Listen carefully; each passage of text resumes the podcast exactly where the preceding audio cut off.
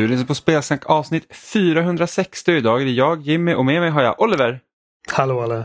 Och Amanda. Goddagens. Och nu har det blivit dags för årets spel i år.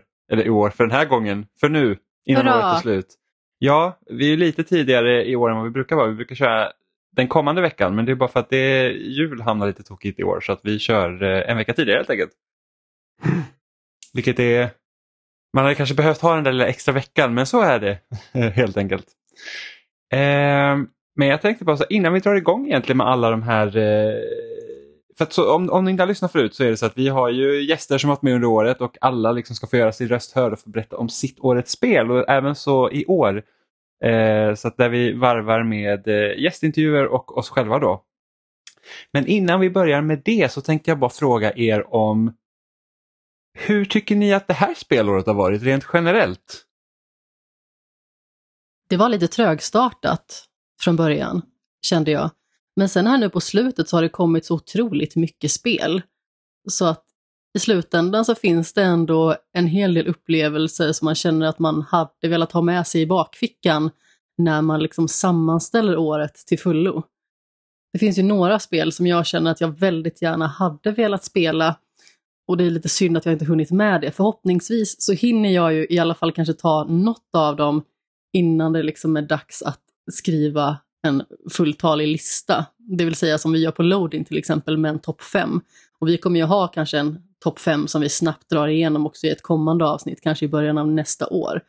Men då hade det liksom varit skönt att kunna smyga in någon sån här extra som man verkligen hade velat ta sig an. Vad tycker du Oliver? Nej, Jag, jag, det var, jag håller med om att Ehm, det, var, men det var ingenting egentligen i...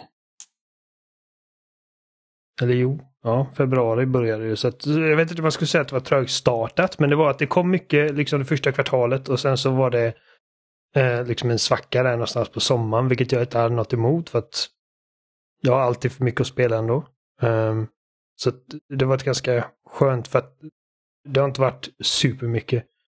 Um, och Eh, man har fått tid att spela lite, lite mindre grejer som har dykt upp på typ Game Pass. Um, uh, som man vanligtvis inte hade liksom hunnit med att ge uppmärksamhet.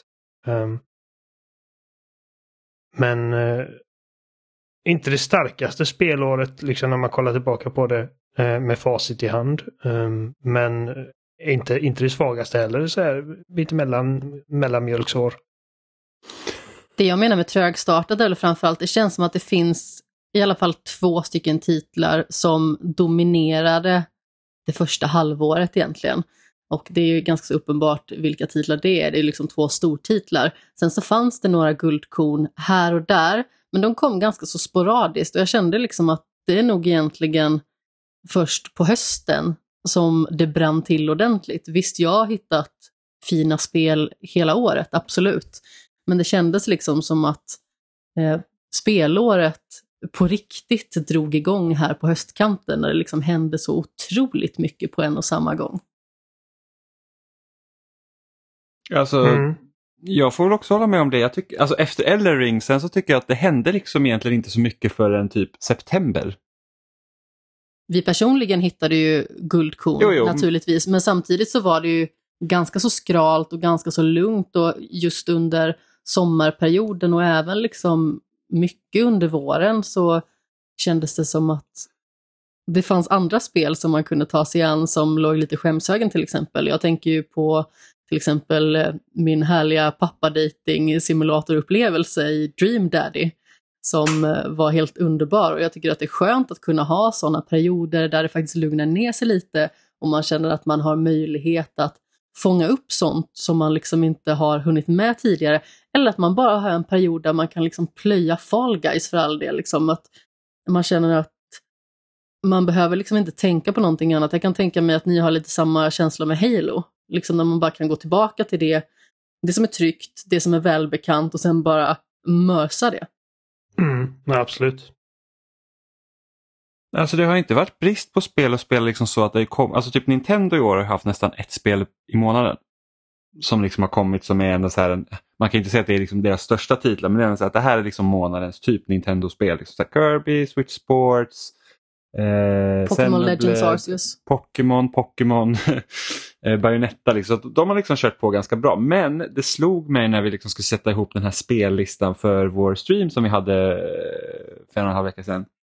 Så var det så här att ja, men nu ska vi liksom ha tio titlar som man känner sig att ja, men det här är kul att streama och de här spelen har vi liksom gillat. Då är det liksom då är det lite svårare för det var så här att fasen av de spelen jag har spelat som har släppts i år så var det, alltså, jag tror inte så att jag har liksom tio stycken som jag känner är givna för en topp 10-lista liksom, och sen kan man rangordna dem däremellan. Utan det var verkligen så här att ah, jag kanske har liksom fem, sex stycken spel som jag tycker har varit riktigt kanon. Medan de andra liksom mer faller in för så här att ah, men det har varit trevligt att spela. Liksom. Jag har nog sex stycken spel som hittills är otroligt bra. Alltså sådana spelupplevelser som jag verkligen har älskat att ta mig igenom. Men sen så finns det ju liksom några platser därefter som man känner att ja, men det här var ett bra spel. Jag tror inte heller att jag kanske skulle få ihop en solid topp 10-lista faktiskt. Men eh, om man pillar och skrapar lite så kanske man hittar någonting. Men förhoppningsvis så kanske man hinner fylla ut den där topp 10-listan lite granna. Har ni haft något spel i år som ni har känt liksom så här, varit alltså, som ni har sett fram emot men sen blivit besvikna över? Ja, ganska nyligen. Och vilket spel kan det vara Oliver? jag menar, alltså, vi snackar givetvis om Callisto Protocol. Du hatade det och jag tyckte att det var liksom helt okej. Okay. Men jag hade hoppats på att det skulle vara skitbra. Så att det... det ja, jag hade önskat att, att det var bättre än vad det var. Mm. Men jag, jag såg inte fram emot The Callisto Protocol li, lika mycket som du gjorde Oliver. Alltså, mm. på det, för jag kommer ihåg att det här var ju, jag trodde det att det skulle bli försenat, att det inte skulle släppas 2023 om man liksom, eller 2022 om man lyssnar tillbaka eh, tidigare poddar. Men eh, det var ändå så här ett spel, ja men jag, jag gillar ju det, alltså första Dead Space tycker jag är klockrent eh, och det är liksom ett sånt spel som jag, kan nog vara ett av de 360-spelen jag klarar flest gånger.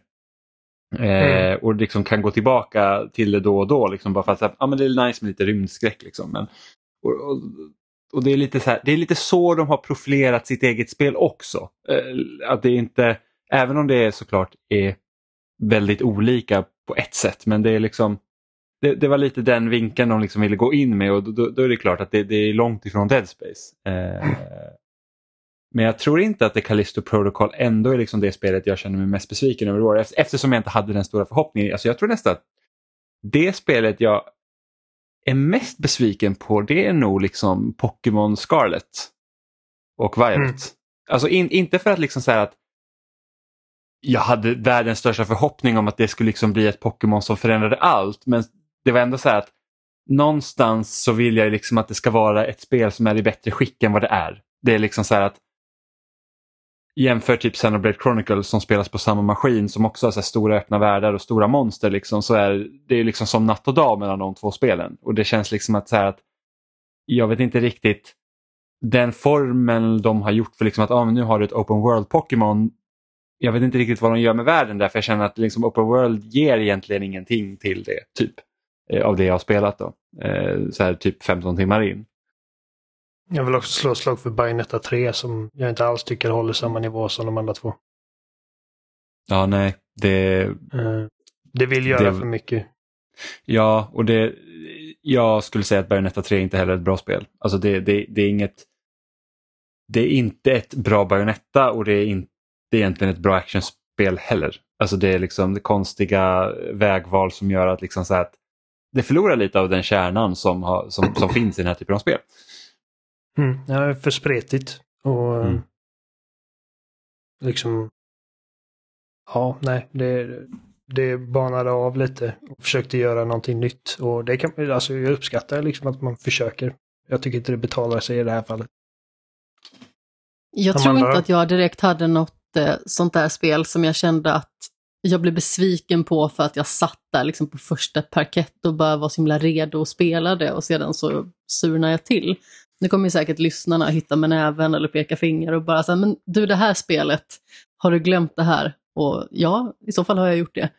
Det jag kan säga däremot är väl snarare liksom att när jag väl spelade det så blev jag lite grann besviken på Gotham Knights. Inte för att jag förväntade mig liksom att det skulle vara ett magiskt spel på något sätt, utan när vi väl spelade det ihop, jag och Jimmy, så såg man att det fanns potential till så mycket mer. Så det finns en liten besvikelse där om jag ska hitta någon.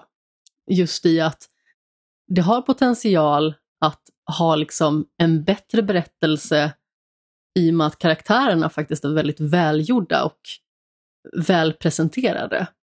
Men världen hade liksom inte tillräckligt mycket att erbjuda och det är väldigt synd för att det hade kunnat bli ett väldigt bra spel om de hade gjort några andra val. Ja, och där tror jag att alltså det, det, det, av någon anledning så liksom jagar man typ Destiny-publiken med spel som Gotham Knights när man egentligen borde göra ett spel som är alltså totalt fokus på liksom ett, ett storydrivet co-op-spel. Så liksom kolla hellre på Gears än, Mm. eh, än eh, Destiny. Mm. För liksom så här att, lå, låt oss, alltså okej om, om spelet då kanske måste vara linjärare eller liksom att det är så att nej, men här har ni Gotham och sen så har ni liksom de här olika eh, instanserna som liksom, ja, uppdrag där det faktiskt liksom krävs att ni samarbetar. Eh, varit intressant att se så här, här hade Josef Fares gjort Gotham Knights till exempel för att det är så att inte kompromissa på sin co-op-idé utan det är liksom att nej men då får ni Precis. fan vara flera. Jag tror att eh, Eh, det är det du menar med att liksom kolla mer på Gears of War. Inte att det ska Ja. liksom Nej, spelas inte- som inte- Gears of nej. War. Men, men att det ska liksom liksom, att- co-open ska vara liksom sömlös och eh, bara effortless. Ja, och det är liksom Att, så att det är byggt för att man ska kunna vara flera och spelar du själv, ja men det är fortfarande samma liksom eh, grupp av hjältar som följer med. För att, alltså, vi hade Du går inte miste om någonting oavsett om du kör single player eller co-op i Nej. Gears of War. Liksom. Alltså, För det blir nej. som väldigt konstig liksom, disconnect när vi spelade för att, så här, att ja, men om Amanda går in i ett huvuduppdrag då är det liksom hennes cutscenes vi får se. Jag får liksom inte ens se mina utan det är som att jag inte är där. Eh, Mm. Ibland så, så är det så här karaktärerna nämner varandra. Ja, just det, du är också med mig här. Liksom. Och ibland så bara ignoreras det. Så det är väldigt konstigt. Men eh, precis, mer liksom Gears att det är liksom att det här är ett co-op-spel och liksom, ni spelar båda stor roll för storyn. Istället för att det liksom bara ska, äh, det ska väl funka lite hur som helst. det är lätt att Det var inga också, tråkiga liksom. 23 timmar. Men det hade kunnat erbjuda så mycket mer. Och jag tror att hade det gjort det så hade vi förmodligen spenderat betydligt mer tid i det spelet för att det hade kunnat vara jätteroligt att spela det tillsammans. Ja, ja. ja absolut. Det, det, det var liksom den, alltså hade, hade inte vi spelat, alltså hade vi inte spelat co-op så hade jag inte köpt det. Liksom, det var enbart därför jag köpte det. Eh, och det är liksom, och om man liksom kokar ner det helt och hållet så att striderna är det enda som finns där. För att allt liksom det andra som har funnits i Batman-spelen tidigare det är liksom helt bortplockat. Och då fungerar inte ens striderna lika klockrent som de gjorde i Arkham-spelen. Nej, det är som natt och dag. Ja, så det var lite synd. Eh, men nu när vi ändå liksom summerar året så här och, och vi är ju liksom bara tre personer och kan verkligen inte spela allt eller hinner ens spela allt för att vi är vuxna människor med eh, eh, jobb och familjer och allting sånt. Jimmy gör sitt bästa att försöka spela allt, dock. Ja, jo, misslyckas katastrofalt. Eh, finns det något spel eller några spel ni känner så att fan det här är synd att jag inte hann spela eller det här hade jag verkligen velat sätta mig med liksom, lite mera om ni kanske har bara nosat på det. Börjar du Nej. Oliver? Eh, Alltså, okej, alltså ingen... Det, det finns spel som jag vet att jag förmodligen vid något tillfälle kommer eh, ge en chans. Jag vet att eh, Ghostwire Tokyo har jag alltid liksom vetat att det, det kommer jag spela vid något tillfälle. Men det är bara en tidsfråga. Jag tycker att eh, det ser okej ut och det, det är liksom ingenting som jag känner, åh gud, det här måste jag spela. Eh, samma gäller typ alltså, Dying Light 2 kan jag tänka mig att jag någon gång spelar när det hamnar på rea eller på Game Pass eller whatever. Um, Rimligtvis borde ju Ghostwire Tokyo komma någon gång under våren till Game Pass. Precis. Ehm, nu fick jag låna det i, eh, till Playstation av Adam för han var här i helgen. Så att det lär bli ganska snart som jag testar det. Ehm, men även typ Stray har jag inte spelat och det kan jag tänka mig att liksom det kommer jag spela vid något tillfälle. Däremot så har jag inte missat någonting som jag vet eller som jag liksom... eh, eh nu blev det fel. Jag har inte missat någonting som jag kände har ens en chans att vara i den här konversationen. Liksom. Um, för Game of the Year. Um, jag har svårt att tänka mig liksom att när jag spelar de här spelen som um, Ghostwire eller Dying Light 2 eller Stray, att, att, att jag liksom retroaktivt kommer känna bara åh, det där hade liksom kunnat putta ner de här andra spelen.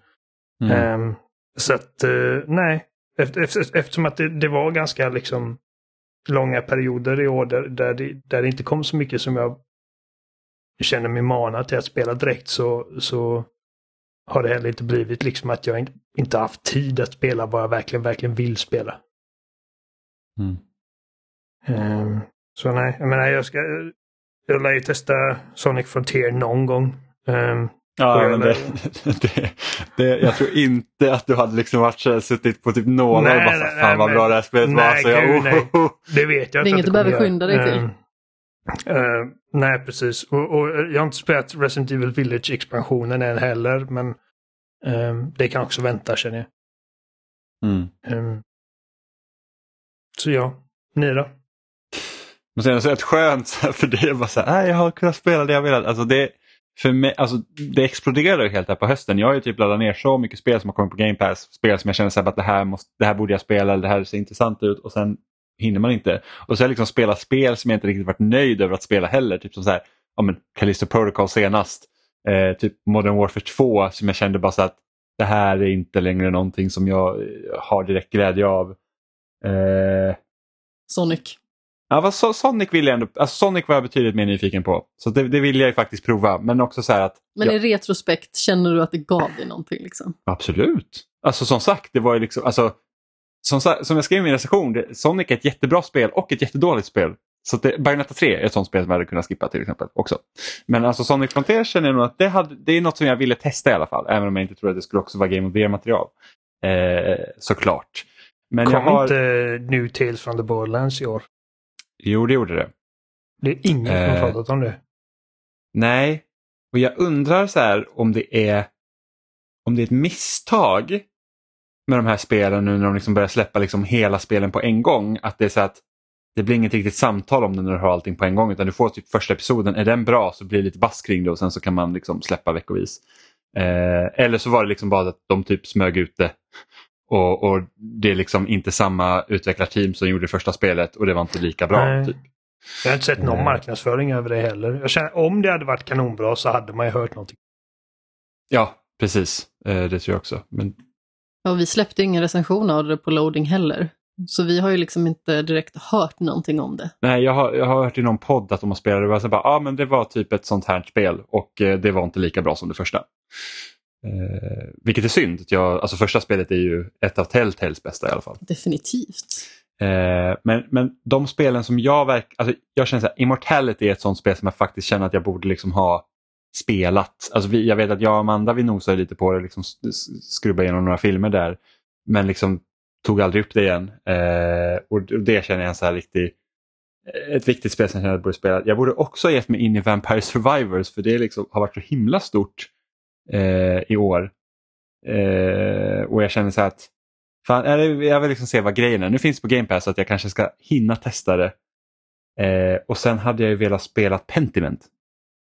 Eh, men det är så att ja, då, då är det ett spel där man ska läsa väldigt mycket och, det, och, och just nu känner jag att jag inte varit inne i det läget där liksom nu ska jag spela och så ska jag sitta och läsa massa text utan då vill jag faktiskt vara mer aktiv liksom, i, i det jag gör. Men jag tror att det är de tre spelen känner jag liksom är, är störst liksom, eh, påverkan på att de kanske hade kunnat komma in i en lista. Jag tror att jag har personligen två stycken spel som jag inte har spelat som har möjlighet att slå sig in på min, liksom, vi säger topp 6. Och eh, det är framförallt I was a teenage exocolonist och Pentiment. Och det första hade jag ju tänkt att börja på nu i dagarna och hoppas på att hinna så mycket som möjligt av. Alltså Pentiment är ju också ett sånt spel som verkar vara oväntat långt. Typ 20 timmar sådär. Så det är ju liksom ingenting som man bara tar i ett nafs, i synnerhet liksom i och med att det är ganska mycket läsning. Sen så känner jag också lite sorg över att det kom så himla mycket där i samma veva och jag hann inte spela Somerville. Det är ju lite kortare så det skulle jag kunna smyga in, men då spelar jag hellre det förstnämnda. Och sedan så var det någon någonstans som sa att Marvels Midnight Suns har lite samma känsla som Fire Emblem Three Houses. Och det fick ju liksom mig att bli lite pirrig på trevliga ställen. Ja, Midnight Suns vill jag också spela. Jag har hört också så här, ett Bioware-spel utan man får ligga. Det är också, också den. För att de har... Är inte det lite synd ändå? Jo, men det, det, är typ en kritik jag hört mot det spelet. Det är så att du kan bli kompis med alla liksom superhjältar men du kan liksom inte ha ett förhållande med någon.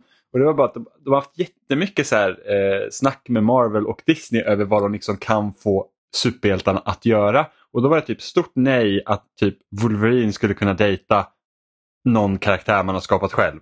Eh, vilket är lite märkligt med tanke på att superhjältarna de har ju förhållanden med varandra till höger och vänster i, i serietidningarna. Hulken får inte dänga på Captain America liksom. Nej men precis. Men det är liksom typ, jag vet att typ She-Hulk är liksom, hon har ju jättemånga olika förhållanden med de olika superhjältarna genom liksom de 50-60 åren som, som Marvel har funnits, som inte mer. Eh, så det var ju jättesynd, snacka om missad potential men de hade ju typ, jag vet att han som är game director för spelet, han liksom verkligen typ förhandlar med dem att ja men vi måste låta liksom det finnas vissa situationer som de här hjältarna inte kanske vanligtvis brukar befinna sig i. Men det blir så speciellt för spelarna att man liksom sätter dem där. Och sen ska det finnas något så här, typ system för att ja, ett kompisystem då, så att du får poäng, alltså plus eller minuspoäng beroende på vad du liksom gör då med hjältarna för att de kanske inte gillar någon. Så det fanns någon scen där man kan vara typ vid någon pool, och så, han kallar det poolscenen i alla fall. Tar man med Wolverine dit så kommer inte han vara så glad för att han vill liksom inte sitta där i typ Speedos. Liksom. Eh, så, så, så, så, det är lite kul. och då, då är det här... alla nördar utlever sina våta drömmar. Men jag kan tänka mig att det hade, alltså, om man har ett spel som bygger på relationer då hade det ändå varit kul liksom, att man kan göra mer än att få en klapp på axeln och säga men du är, du är, du är bra kompis till exempel. Samtidigt så vet jag ju att du jättegärna premierar vänskapsrelationer i spel och eh, filmer och dylikt. Ja, absolut, det gör jag också. Men jag sa inte att jag ska ligga med alla hjältarna. Utan det räcker ja. Eller sa du? ja, jag kan säga att liksom vänskapsrelationer kan kännas eh, mer spe speciella än romantiska relationer. I alla fall för mig. När man tittar tillbaka på för att det är svårare liksom att, att, att göra det speciellt när man inte bara kan ta kläderna på dem och typ gnugga dem mot varandra. Uh. Men jag håller med Oliver, men liksom jag tror att hade, hade, hade man kunnat ha det där också hade det kunnat komplicera andra saker ytterligare. Liksom, så här, någon hjälte kanske vill mer än någon annan. Och så, ja. Vem alltså, är Marvels Garrus? Jag säger inte att det per automatik är en dålig idé att liksom ha någon form av eh, romantisk vinkling till det, men liksom att, att, att destillera ner det till att ja, det är bara en klapp på axeln, det tycker jag känns lite Ah, ja, men som sagt, jag vet inte hur det gick på spelet. Men liksom så här, Ursäkta. typ så här, hur Bioware har liksom utvecklat sina liksom relationsskapande från typ Mass Effect 2, att man var snäll mot alla så ville alla ligga med dig tills liksom man kom typ i Dragon precis Age. Precis som i verkliga livet. Ja, men precis. Eh, eller så kom man till typ Dragon Age Inquisition där jag fortfarande liksom spelar spelen som om ja, men det går att välja och vraka här bara. Liksom. Jag inte behöver vara ensam och säga att jag blir totalt överkörd. Eh, men som sagt, vänskapsrelationer är inte lika vanliga på det sättet och då hade man ju liksom kunnat egentligen du skulle kunna ha romantiska relationer och samtidigt också ha vänskapsrelationer och sen kan man ju liksom bygga utifrån de olika grenarna. Då. Men apropå liksom vänskapsrelationer, eh, för de som har spelat Tales from the Borderlands, där är det ju, alltså de två huvudkaraktärerna de är ju liksom kompisar. Eh, och spelet behandlar dem också som det. Eller ja, kompisar, de är lite nemesis emellanåt också. Men det liksom blir ju så att de två har ett vänskapsband de väldigt trycker på eh, i det spelet ja, där det inte blir varit, det här romantiska. Och det har varit så lätt att göra det romantiskt. Liksom. Ja, absolut, och det hade ju förstört allt. det, det är liksom typ, man säger, uh, genvägen till att liksom få in någon form av uh, känslomässig förankring i det hela. Nej, men när jag tänker på alla Mass Effect-karaktärer så det jag tycker om mest är Garrus och han var min bästa polare. mycket mer än vad jag typ kände mig kopplad till liksom, fan var det Miranda jag, jag hade en relation med. Ja, men det är inte så konstigt, du tog ju den eh. tråkigaste karaktären. Ja men, men, ja, men alltså första gången var det, men, men liksom även Liara och uh, Jack Var det någon gång? Inte ihåg. Ja, jag har ju legat med Liara också, men Garrus var både min bästis och mitt ligg. Ja, där ser man. Du gick all in på Garrus. Jag bara tänker... Jag kan alltså, säga att jag gillar man Garrus. Det borde vara... Jag bara tänker alltså, så här, människa till Turian 6 låter jävligt obekvämt. Alltså han ser ut att typ vara gjord av sten. Jag tänker att han har väldigt långa fingrar, har han inte det? Jo, men de är säkert typ barbed och... och, och liksom, Barbfingrar. ja, Kommer Garrus där med lite taggtråd och sin hand och bara älskling nu kör vi. Bara, jag kan bara se, se massa olika sätt som ett ligg med en Turian kan sluta väldigt blodigt. Ja, jag, var ju, jag hade ju Tally i Mass Effect och var ju väldigt liksom också den relationen jag höll högst. Man blir ju glad ändå att man inte blir kär i en Krogan. Jag tror inte, kan man ha... Mm. Nej, jag tror inte man kan. Nej, nej, det är lite synd. Ja, det är Både jävligt- Rex försökte och bara Grunt vara bara rolig. fuck. lagt, lagt in en stöt på Rex. Ja, nej men det längtar till nästa Bioware-spel där man ska återigen få, liksom, få sitt hjärta krossat. För det blir jag i deras spel numera. Men eh, med det sagt så kanske vi ska börja gå in på eh, vilka spel som har varit bäst i år egentligen och då först ut är Jonas Mäki. Och då var jag här med Jonas Mäki. Välkommen tillbaka Jonas, hur är läget? Jo, men det är bara bra tackar som frågar. Vad bra, vad härligt att höra din röst. Kul att få vara tillbaka. Ja, ja men absolut. Du, det, det är alltid kul att ha med dig och eh, vi, vi har varit rätt dåliga på att ha gäster i år. Därför det, det inte är jättemånga gäster. Vi försöker väl bli bättre på det nästa år. Men, eh, men just nu pratar vi om årets spel och alla har valt varsitt spel. Liksom det som de känner är har varit bäst för dem i år. Så eh, innan du avslöjar vilket ditt är, eh, är jag nyfiken på, har du liksom behövt fundera mycket på detta eller var det solklart vad som var ditt årets spel? Jag har behövt fundera väldigt, väldigt, väldigt mycket. Jag är ju inte en person som spelar särskilt mycket single player. Och de stora spelen i år är ju single player-titlar. Det är, Det har nästan kommit någonting vettigt multiplayer. Så, det är ja, mycket single player på årets spel i år ja. Eh, Så att det, har, ja, det har varit roligt. Okej, så, så vilket, vilket multiplayer-spel är bäst i år? Låt mig säga vilket som kom... Vilket jag, vilket jag valde mellan först. Ja. Och det skulle ha varit Turtles Shredders Revenge. Det hade jag verkligen tänkt att ta med. Det var, jag övervägde länge att ta med det som mitt bästa spel. Men, men eh, det trumfades till slut av Multiversus. Det landade i, för jag spelade så ohyggligt mycket och spelar fortfarande. Så det är nog mitt bästa spel i år. Så Turtles, eh, det är ju verkligen så blast to the past, så här liksom eh, co-op på Super Nintendo 90-talet ungefär. Exakt. Alldeles fantastiskt. Musiken, allting. Det var så, så jävla bra spel. Jag kommer inte ihåg, vad, vad hette det som... som eh, det var på Super Nintendo och eh, det var det som alla spelade. Eh, Uh, Turtles in Time tänker du? Turtles in Time, exakt. Precis. Eh, är, det, är det liksom... Uh, känns det som att det är en upp till den eller, eller? Ja, alltså, rent opartiskt sett så är det ju bättre. Men, eh, men, eh, men allra bäst ska jag säga att Multiversus är som sagt. Mm. Jag tycker att det var ändå det som är... Mul- Ja. Multiversus är ju mer... Jag har inte spelat detta själv men, men som jag förstår så är det ungefär som Nintendos Smash Bros fast med... Eh, är det Warner Brothers som gjorde detta? Ja, precis. Precis, så det är Batman och Shaggy och... Ja, jag tycker att eh, Smash Bros-jämförelsen är väldigt bra. Det är, det är det första... Det är ju det är den man tar till så att säga när man ska beskriva hur Multiversus fungerar. Mm. Men den stora grejen är att det är helt lagbaserat. Det förändrar ganska mycket. Det visste jag inte faktiskt. Så, så, Så det har som en egen twist. så, så det, det är den sto- största skillnaden då från, liksom från Smash? Ja, sen finns det andra skillnader också. Det är olika spelsystem helt och hållet. Det är men eh, ja, absolut. Det är det ska jag säga är stora skillnaden. Man kan ju spela alla mot alla, men i och med att vissa figurer är gjort som supportkaraktärer. Mm. Och de blir helt meningslösa om man spelar fyra mot fyra, eller fyra, säger alla mot alla, i fyra stycken. För då, då vem ska du supporta med dina krafter? Då har du som en karaktär som inte kan göra någon nytta. Trevligt. Jag, att, som sagt, jag, jag har inte... Så, alltså Smash är ju, det är ju en bra jämförelse för att alla vet vad Smash är. Det är Precis. liksom, man, man sätter direkt en baseline på vad man kan förvänta sig. Och det, det har kommit några Smash-kloner så att säga. Så jag vet att Playstation försökte med Playstation All-Stars Battle Royale eller vad det hette. Eh, Ja, det var också roligt. Det var också kul. Men, men jag känner att det fick liksom inte riktigt, alltså det hade inte den staying power som jag tror att de hade hoppats på kanske.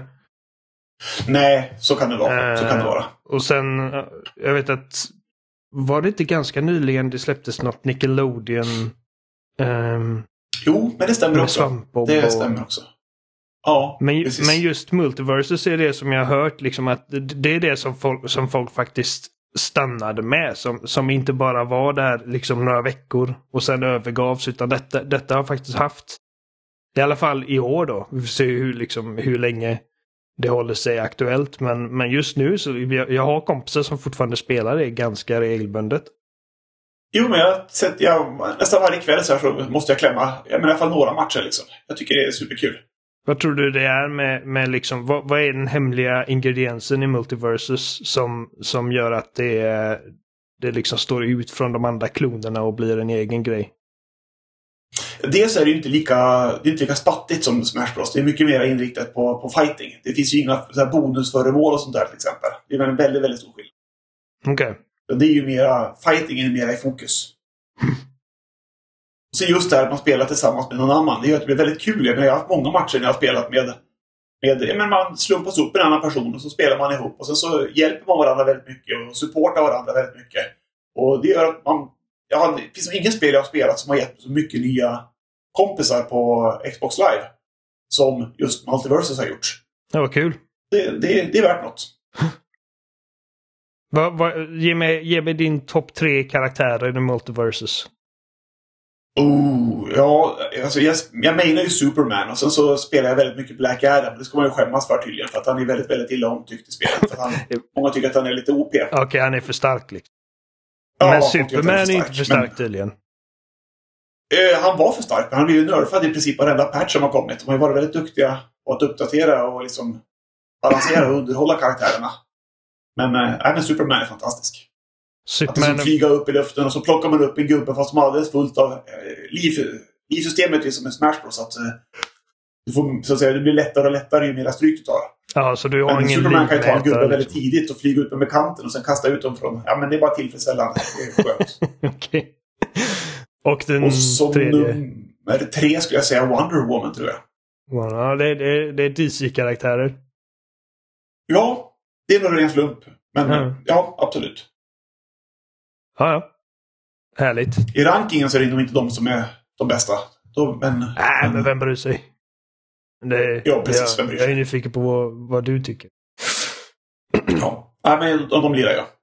Okej, men eh, Multiversus, vad, vad känner du överlag om, om året som spelår? Du, du, du nämnde att det har inte varit jättemycket bra multiplayer-spel. Har det varit, har det varit ett Spelåret är sömn- ju... Jag, jag tycker att när jag kollar nu på 2023 så är det i princip samma spelår som jag trodde att 2022 blev när 2022 inleddes. Jag tänkte en vi skulle spela förseningar. Harry Potter och jag tänkte vi skulle, jag vet inte, Hogwarts Legacy och jag tänkte vi skulle spela men allt det här som The Starfield. Suicide Squad. Ja, precis. Robostubb. Allt det här som skulle kommit. Det kommer ju nästa år istället. Ja, Så att det blev inte sammantaget har det varit 11, ganska- 11, 21. Nej, nej, nej, verkligen inte. Nej, precis. Det, att... Eh, det är kul för att alltså, jag, jag vet att du säger till mig hela tiden liksom, att jag spelar inte så mycket single player. Jag spelar mest eh, eh, multiplayer. Men samtidigt så vet jag liksom, Mhm. när jag kollar på typ dina, dina liksom, tior genom din Game Reactor historia så är det mycket single player-spel. Det är liksom Red Dead, Skyrim,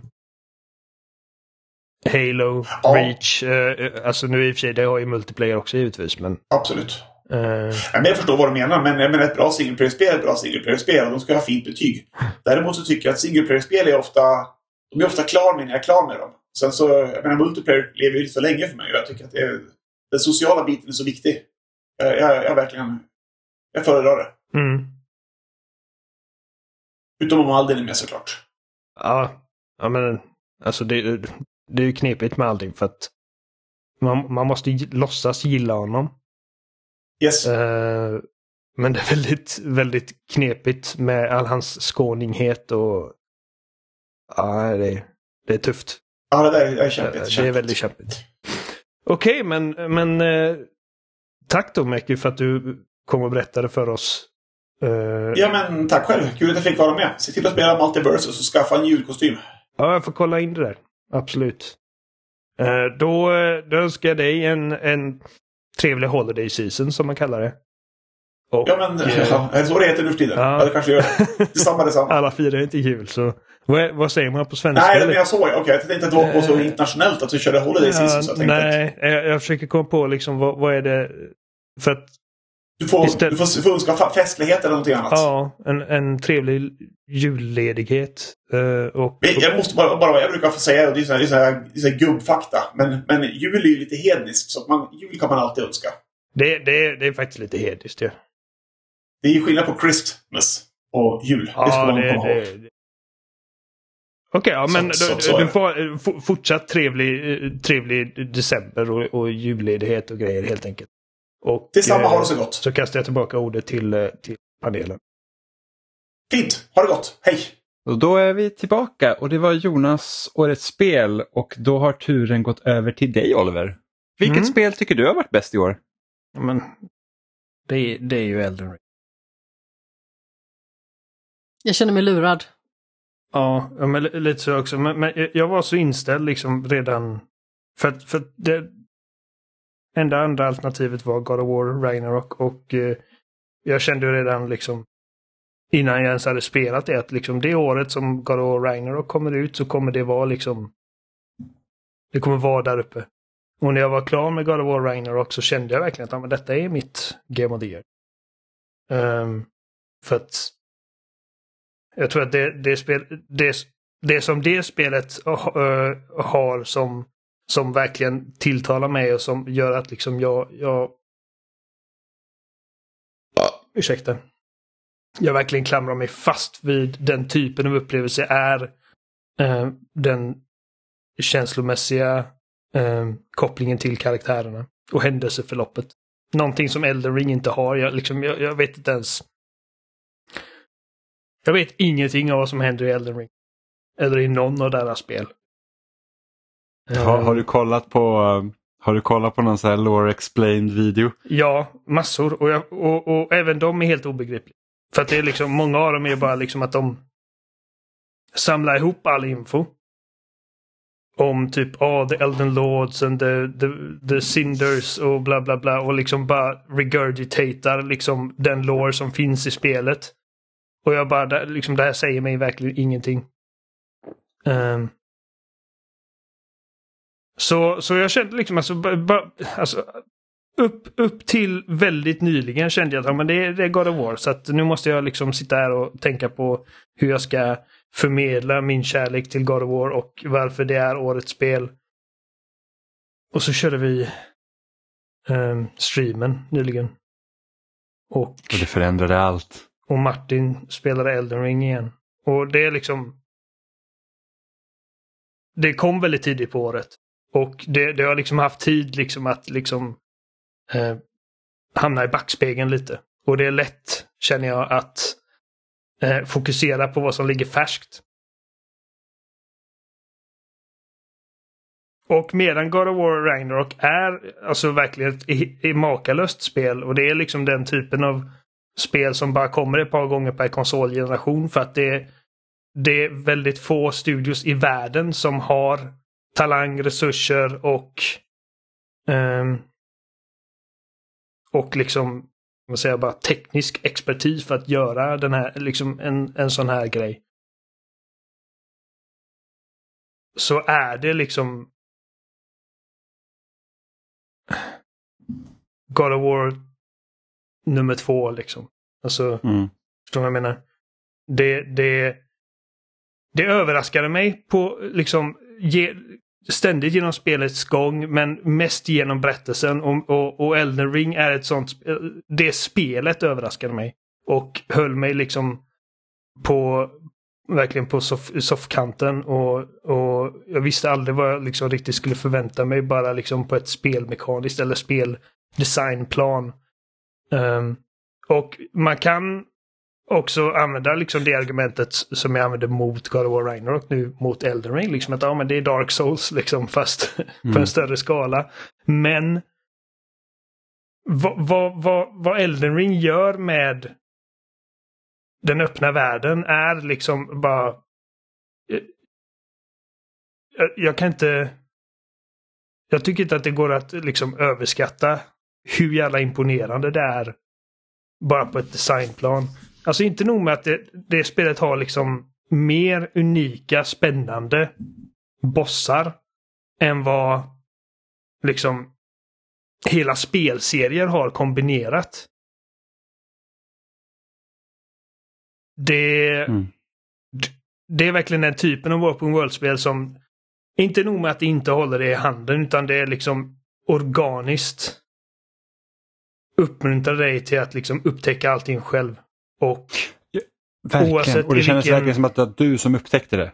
Alltså det var Precis. ingen annan utan det var faktiskt du som liksom såg de här områdena. Det var... Även de små upptäckterna känns monumentala helt enkelt för att det inte är liksom någon eh, liksom ikon på någon spelkarta någonstans. Eh, och eh, men, liksom, eh, vi brukar snacka om att Elden Ring och Breath of the Wild är liksom de, de två spel som i modern tid verkligen har liksom använt den öppna världen mest effektivt. Men jag skulle till och med säga liksom att Elden Ring gör det ännu bättre än Breath of the Wild gör. För att det har ännu mindre av liksom ett liksom speldesigns eh, mönster än vad Breath of the Wild har. Ehm. så jag vet att liksom när, när de utannonserade Elden Ring eh, och sa att det var ett första open world-spel liksom av den här typen och det gjorde mig lite orolig för jag tänkte liksom hur, hur ska de hur ska de bibehålla och främja den dels den liksom spelarfrihet som deras eh, Dark Souls och liksom alltså hela den framåt Bloodborne, säcker och allt det där. Eh,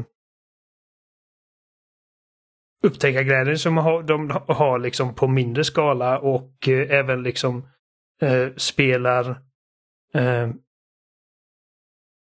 expression sett till liksom hur du väljer att spela spelet. Eh, och att man ständigt har liksom en en bra liksom, eh, tempomässig liksom graf på liksom okej här är topparna och här är dalarna och här är liksom ditt andrum och, och liksom hur, hur ska de översätta den upplevelsen till open world och liksom Tamor Hussein i eh, han är på Gamespot tror jag. Eh, sa att svaret är bara att liksom allting i spelet är liksom bara görs precis lika svinbra som alla andra delar av spelet. liksom, även, Mm. även små dungeons har liksom eh, samma fingertoppkänsla som eh, the main path. Och eh, men alltså, jag vet inte hur många timmar, alltså det var väl över hundra timmar som, som det tog mig att ta mig igenom det spelet. Och jag vet att det finns massor i den världen som jag fortfarande inte upptäckt. Eh, och eh, och när jag, när, jag, när jag sätter de här två spelen liksom jämfört och jämför dem liksom och jag tänker att okej, God of War Visst, de, de har liksom de här karaktärerna som jag älskar och den här storyn som jag älskar att följa och som jag kände liksom och, och jag är fortfarande, alltså jag kan, jag kan inte prisa God of War Ragnarok nog för att det, det var liksom så här nära. Uh, men Elden Ring har bara någonting liksom det där lilla extra som, som, som, bara, som man bara inte ser någon annanstans egentligen.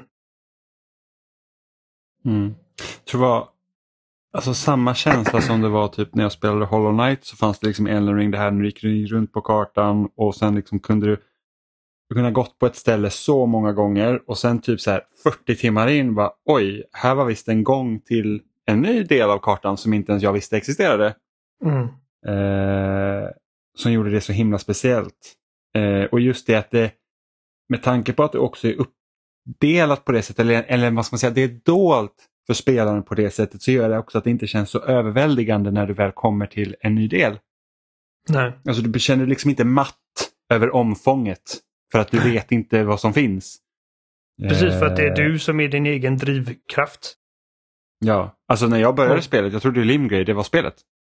Ja, men jag med. Och sen, och sen så kom det, man det är ut... nog, liksom. Ja, precis. Det var så här, usch. Och sen kom man ut liksom till, eh, ja men där vart den här magiskolan finns, liksom den delen av kartan. Mm. Eh, och då var det så här, bara, ah, men okej jag ser typ tre slott i horisonten, okej det är spelet. Jag var helt säker på det, liksom, att det här är spelet och sen så bara det bara växte och växte. Så att nu, nu hittade inte jag den där portalen som tar en typ till en av de sista områdena heller. Så att det liksom blir inte spoilat för mig heller hur stort det här spelet är. Men, eh, Nej. Ja, fantastiskt. Nej, och, och det är liksom, alltså det, det spelet gör ett sånt jävla bra jobb med att liksom slänga och du går ut på ett fält och plötsligt kommer en stor jävla drake. Mm. Liksom från ingenstans. Och det finns liksom ingenting som, som bygger upp till det liksom. det, eh, det bara händer och det händer organiskt och du reagerar på det organiskt. Men jag, jag återvände liksom flera timmar senare för att ta den draken. Och det liksom kändes skitbra redan då. Och, och sen hjälper det liksom också att alltså From Software har typ liksom alltså några av industrins bästa konstnärer. För att alltså, på ett tekniskt plan så, så är det ju liksom inte i närheten att sniffa med vad Santa, Santa Monica kan göra. Men jävlar vad de kan rita monster. Och, Mm. och, ja, men, och jag- jag- miljöer. jag säger med, om man jämför med remaken av Demon Souls så är också Elden Ring liksom ett, ett, vad ska man säga, ett fulare spel. Alltså, På ett tekniskt plan, ja absolut. ja, precis. Men, men, men de, alltså, precis som Nintendo egentligen gör, att Zelda är ju liksom inget tekniskt mästerverk men det är skitsnyggt. Nej. Eller Super Mario för den delen. Eh, så att, att, ja, men det håller jag med om. Alltså Elden Ring är skitfint. Och liksom just Så- det här, här liksom guldträden och liksom den här jävla blå himmeln på vissa delar. Ja, det, det är liksom, det är en magisk plats kan man nästan säga. Men jag såg inte fram emot något lika mycket som jag såg fram emot God of War i, i år. Ehm, och, och som sagt, God of War 18 är liksom alltså ett av mina absoluta favoritspel från den generationen. Och jag älskar Kratos och Atreus och jag älskar vad de har gjort med eh, nordisk mytologi i det spelet och liksom hela Hela, det är skitimponerande hur många liksom av de här mytologiska trådarna som de sammanväver och vi får prata liksom mer detaljer när vi gör spoilercasten. Det, det är ett sanslöst imponerande spel men Elden Ring det är bara Det är ett spel som jag spelade i, 100, liksom, i, i över 100 timmar och när det var slut så kände jag oj redan. Liksom, alltså det var bara jag, jag vill ha mer. Till, till skillnad från då liksom alla andra open world-spel att när man kommer liksom mot liksom slutet så är det bara fy fan det här får, fan, det här får vara, det, nu, får, nu får det vara slut. Liksom. Ja, så har jag fått Eh, nog. Det här borde varit slut för ja. typ 20 timmar sedan. Även i spel som man liksom har älskat upp till en viss punkt. Och jag menar, jag, jag tycker liksom att Horizon Forbidden West är ett jättebra spel, men det var också sånt liksom att när, när det var slut så var det bara Fan vad skönt, liksom. nu kan jag gå vidare och, och, och så är det med 95% av de här liksom jättelånga spelen för mig. Att liksom det, det är extremt svårt att vara över 50 timmar långt och hålla liksom intresset. Ehm, och att det liksom, att det liksom bara spelmässigt, inte bara liksom att, för att, för att det som driver en i spel som Horizon känner jag liksom efter en viss punkt är att jag vill se vad som händer i storyn. I Elden Mm. Ring är det bara, jag vill se vad, vad spelet har att erbjuda mig liksom nästa timme. Mm. Och så, så, så är det inte i andra open world-spel, det bara, det bara händer inte. Nej, precis. Så att, eh, liksom, tyvärr God of War, men Elden Ring kom samma år. Och hade inte Elden Ring kommit i år så hade det varit God of War. Liksom, alltså tveklöst, det finns ingenting som helst i närheten. Mm. Ja, nej, men Elden Ring är ett jättebra spel verkligen. Jag, vill- jag vill också, och det här är helt off topic, jag borde ha tagit detta in, liksom i början av avsnittet. Men jag, jag behöver bara liksom få det här off my chest. Vi var på In Flames igår, Scandinavium. Och efteråt, du vet när man ska ut. och det är liksom 15 000 pers som ska ut genom dörrarna på samma gång. Och jag tappade bort Adam. Och jag Och liksom jag bara, Adam kom inte härifrån. Liksom det, jag, jag måste hitta honom, annars kommer han gå vilse och slå ihjäl sig. Så jag var stressad över det. Det var massa folk och det var liksom, jag, öronen rang fortfarande lite. Det kommer fram en kille till mig med knytnäven uppe. What? Medan jag gör detta så, så sitter jag på min telefon och försöker liksom eh, få kontakt med Adam. Det är dålig täckning. För att det är så många som är på nätet just nu. Och jag, jag, jag, jag ser honom komma mot mig med knytnäven uppe. Jag tänkte det här är liksom någon som är lite full för att jag hade haft några eh, interaktioner med lite fulla, schyssta göteborgare. Och jag tänkte inte på det. Och, och jag märkte att han tittar på mig så jag tittade upp och jag bara Jag vet inte vad du vill. Och så till slut så går han därifrån och sen så insåg jag att det kanske är någon som lyssnar och ville hälsa och ville ge en fistbump. Så om du lyssnar på detta och du försökte få kontakt med mig på Inflames Scandinavium och jag bara ignorerar det som ett rövhål så ber jag verkligen om ursäkt. Jag trodde, att, jag trodde att du ville slå mig i ansiktet. Tips från coachen, kom inte med höjd näve nästa gång. Om det bara är en full person som gick fram och försökte fista Oliver, fy på dig. ja, ja, men då, då, då, har jag inget, då har jag inte dåligt samvete över att, över att jag ignorerar dig. Men, men om det är så att du hör detta och du tycker att fan, Oliver här försökte man vara schysst och hälsa och du bara snäste av mig. Det, det gick upp för mig liksom flera timmar senare. Att det kanske var någon som kände igen mig. Och, eh, för, och det, det händer liksom typ en gång var tionde år så att det är liksom inte... Det, det första jag tänker när någon kommer fram till mig är inte åh, här är någon som lyssnar. För att vi har typ 13 lyssnare i hela Sverige. Um, men jag ber om ursäkt i så fall, om det var så. Ja, förhoppningsvis så var det i alla fall ingen som ville dig något ont i alla fall. Den här Nej, gången. men, men uppenbarligen inte eftersom att han gick förbi när jag liksom, när jag in, bara valde att inte engagea. Um, Han kanske var... såg dina farliga biceps och bara åh nej, jag ångrar mig. Tremble with fear. Ja, mina, min ölmage och... Det är inte fy skam. Så ursäkta för den, eh, det sidospåret. Eh, jag För vi skickar en digital fistbump ja, till personer precis. som inte försökte fista Oliver. Eh, nästa gång Hoppas så vi. liksom Hoppas jag, precis. typ eh, knacka mig på axeln och bara hallå Oliver. Kommer dit bara spread wide Oliver, här är näven. Ja, precis. Eh, då har turen kommit till Mats Nylund för att berätta om sitt årets spel. Och då sitter jag här med Mats Nylund. Välkommen tillbaka Mats! Tack och hej igen. Hur har ditt spelår 2022 varit? Eh, det har varit, nu när jag ser tillbaka på det så har det varit eh, väldigt lite nya spel. Jag har liksom inte haft så mycket tid, jag har inte jobbat med att skriva om spel i år så att jag har liksom bara spelat, nästan bara spelat gamla spel som jag har missat. Eller sådana här gamla comfort zone-spel som man liksom sätter sig när man, när man har en timme över. Jag har för mig att du pratade om det när du var med i Skämshögen och gästade också, liksom att nu har du haft en lång period där du liksom bara har spelat i stort sett det du känner för. Ja, och, och då blir det ganska mycket gammalt och sånt som jag har missat och ja, och liksom tillbaka till farming sim och sånt. Sådana spel som jag vet vad jag får på något sätt. Alltid tillbaka till Farming Sim. Ja, jo det är sant i och för sig. Det är lite default med mig. Är det något speciellt spel som du liksom har fått uppleva det här året som du liksom har tagit igen sen tidigare som du verkligen känner wow vilken upplevelse. Varför har jag inte tagit med det här tidigare? Det, det var väl spontant det som kommer upp är väl eh, The Last of Us Part 2. För det var ju verkligen en upplevelse. Det var ju något enastående. Jag fattar inte att förvänta så länge med att spela det. Nej men alltså det fick ju ganska så blandad kritik. Vissa älskar ju det och vissa hatar det. Det känns som att det finns inte något form av mellanting. Nej, och det där har vi pratat om också, men alltså jag är definitivt det älskade campen. Liksom. Det är ingen tvekan. Det är, jag tycker det är ett mästerverk.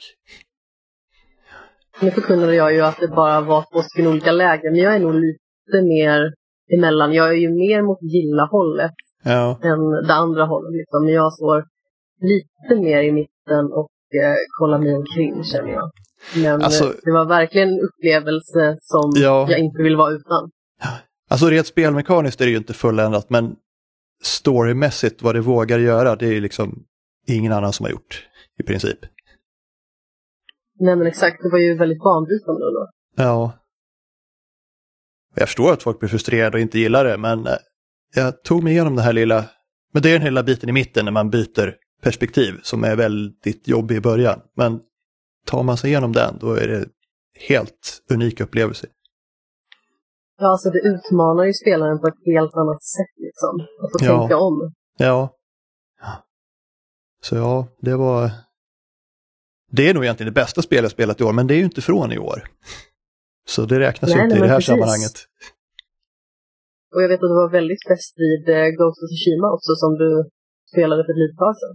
Ja, det var lite samma sak där, att det var så här, jag hade inte väntat mig något särskilt, det fick väl bra recensioner men jag hade väntat mig någon slags Souls-like, men det var ju ett, ett klassiskt så här samla plupparspel och dessutom väldigt mysigt och fint. Och hemskt för all del, men det var fantastiskt bra också. Ja, jag kan tänka mig det. De som älskar det älskar ju det med passion så att säga. Ja, Men då har vi kommit till toppen av det här året och då undrar jag vilket för dig är årets spel 2022?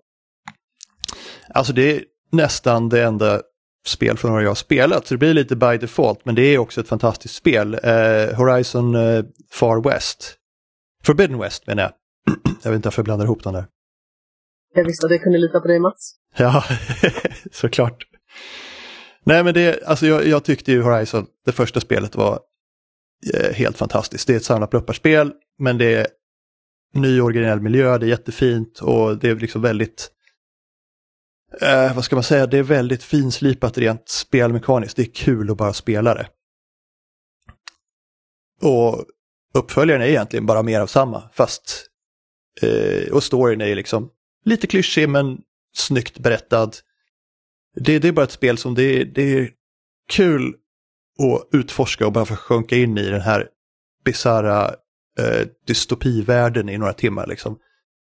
Så det Jag håller ju med dig. ja, Alltså, det är ju så att de sakerna som det förra spelet gjorde riktigt bra, alltså när det gäller spelmekanik, miljöer och så vidare, det har ju eleverats i den här upplevelsen.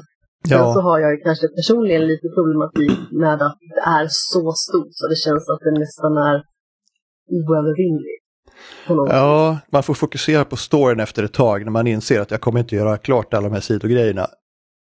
Men eh, storyn är ju bra, alltså den är inte något särskilt originell, men den är bra. Föredrar du Horizon Zero Dawns berättelse framför Forbidden West?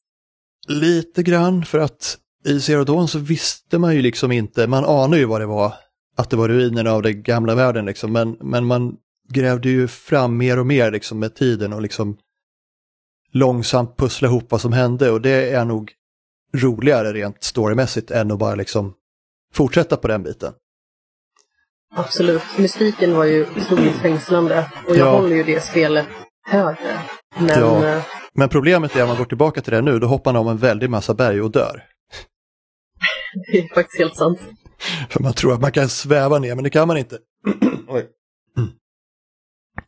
Vi streamade ju det spelet i helgen som var och eh, Ja. jag hade ju helt glömt att man hade den här sväva-mekaniken. Jag hade glömt väldigt mycket. Å andra sidan, jag glömde typ hur man skulle röra sig, hur man tog fram sin pilbåge för jag var så himla ringrostig. För att det var liksom ända sedan tidigt i våras som jag spelade det. Ja, Så jag måste sett ut som en galen människa och folk undrar nog vad de har ramlat in på om de såg streamen. men det blir ju ofta så när man går tillbaka till ett spel efter att ha spelat en massa annat ett tag. Och så trycker man rätt plötsligt på fel knapp för att huka sig och så, så dör man. Det var samma sak i God of War Ragnarök när man liksom skulle eh, dodga på en helt annan knapp än vad man brukar. Ja, Mycket förvirrande. Vad är det ja. för beteende ens? Men det tar någon, någon timme innan man liksom, innan man, innan rätt reflexer sitter i fingrarna igen. Absolut. Men eh, nu när det här liksom blev årets spel för dig, hur känner Mm. du inför eh, expansionen Burning Shores som kommer i april? Den ska bli spännande. Det kommer ju bli sånt där när man går tillbaka och plötsligt gör fel för att man inte kommer ihåg hur man gjorde. Men eh, nej, jag tror att det ska bli grymt också för jag, jag vill verkligen, nu när jag har investerat liksom två spel i det här, nu vill jag verkligen se var det ska sluta. Jag vill ha mer av den här världen och jag vill ha ett avslut. Liksom.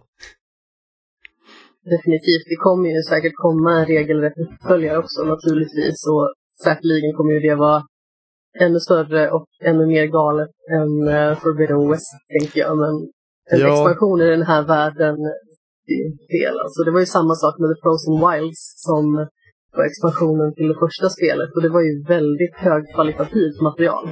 Ja, när jag väl spelade då var ju, där liksom, då var ju den redan ute. Så jag spelade ju den innan jag spelade klart spelet. Men det funkar ju det också. Ja, exakt. Jag fick ju vänta till eh, december då. Jag recenserade det spelet precis när det kom och sen så kom ju det samma år i december. Ja, Och jag eh, var ju väldigt lycklig när jag fick träda in i den världen igen. ja jag förstår det. Jo, men det är ju så. Det är, det är en värld som fängslar och karaktärerna tycker jag om. Och, alltså speciellt Aloy. Det, det är väl delvis att hon är liksom någon slags ganska realistisk och en inte felfri actionhjältinna. Och sen är det ju minst 50 eh, Ashley Birch som är rösten. Hon är fantastisk. Verkligen. Man kan inte säga någonting annat där. Men det är precis som du säger att Aloy, hon är ju liksom en magisk karaktär. Hon är stark, hon har väldigt många förmågor och färdigheter. Men Ja. hon är också felbar och jag vet liksom att det skrevs och pratades en del klagande liksom om hur hon är som karaktär i det här nya spelet. Liksom att hon verkar tycka att det är lite jobbigt och att folk liksom vill ha hennes hjälp och att hon nästan beklagar sig över det. Men man kan ju också förstå det liksom för att hon är ju en av få som besitter den här förmågan och det är ju hennes uppgift i stort sett att lösa det här. Så det är inte så Ja. konstigt liksom att man tyngs ner av den bördan. Hon är ganska motvillig frälsare men det är kanske inte så konstigt. Jag menar, hon har plötsligt bara fått kastet i knät på sig att hon är det enda som kan rädda världen på grund av någonting som hon inte ens styr över. Liksom. Det är klart, Ja, det, då kämpar man kanske emot lite i början. Och det hon egentligen ville från början, det var ju bara att inte vara en utstött. Och nu blir hon ju, även om hon accepteras, så blir hon ju en utstött på ett annat sätt. Just på grund av att hon har någonting som ingen annan har. Ja, nu är det mer att det är ensamt på toppen. Liksom. Exakt. Där kan det vara jäkligt blåsigt. Ja. Jo, nej, men jag gillar Aloy. Jag gillar att hon liksom inte alltid, alltid gör rätt. Att det klantar sig ibland och liksom väljer fel saker och säger fel saker. Att det, ja, men det blir intressanta förvecklingar då. Det var, jag lyssnade på en podcast så sent som igår där eh, komikern Mark Maron sa att om man har full kontroll över någonting, då är det inte intressant. Och det Det resonerar ganska bra med mig. Verkligen. Men med de orden så tänker jag att eh, vi säger hej då för det här året. Så hoppas jag att du naturligtvis kommer att gästa Spelsnack igen 2023. Ja, självklart, det är bara att säga till. Jag kan knappt fatta att det här året snart är över. Det har ju gått Nej. bilfort. Ja, det har det. Jag hoppas att nästa blir bättre eller minst lika bra i alla fall. Definitivt. Ha det så bra Mats. Ja, du också. Då är vi tillbaka. Eh, Mats som tyckte fel. Nej, jag skojar bara. Eh, Ma- Mats får tycka precis som man vill. Dryga Vi är inte här för att, ja, vi är inte här för att shamea andras spel. Eh, Var snäll mot spelar. Mats. Ja, Mats, Mats är jättetrevlig, även om han har konstigt spelsnack. Nej, jag skojar. Jag skojar bara. Det, det, Det är du som har konstig Eh, spelsmak. Du det kommer jag säkert har dra fram något så här, liksom bara spel Jag som bara, ingen hört mm. talas om och bara åh det här Ja. spelet fick mig att tänka på... Harpan 2022. Ja, Det här är ett finskt indiespel. Ja, det, var ju faktiskt här, ehm, Det var något finskt spel som släpptes, om det var förra eller förra, förra året, där man faktiskt liksom där, utspelade sig typ på en finsk gård och sen byggde du ihop liksom din bil och sen så åkte du på en roadtrip med den. Jag tänkte säga ja, Returnal. Ja, Returnal också, precis, men det, det är inte, jag skulle inte säga att Returnal är ett obskyrt spel.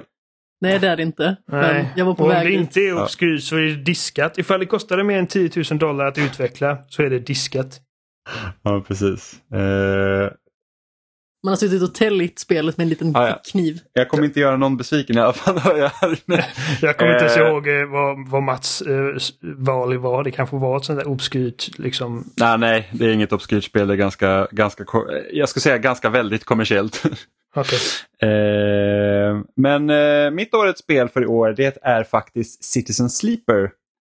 Eh, som var en så här, alltså ett spel som jag absolut inte hade på min radar att spela utan jag laddade ner det på Game Pass för jag tyckte det såg fint ut.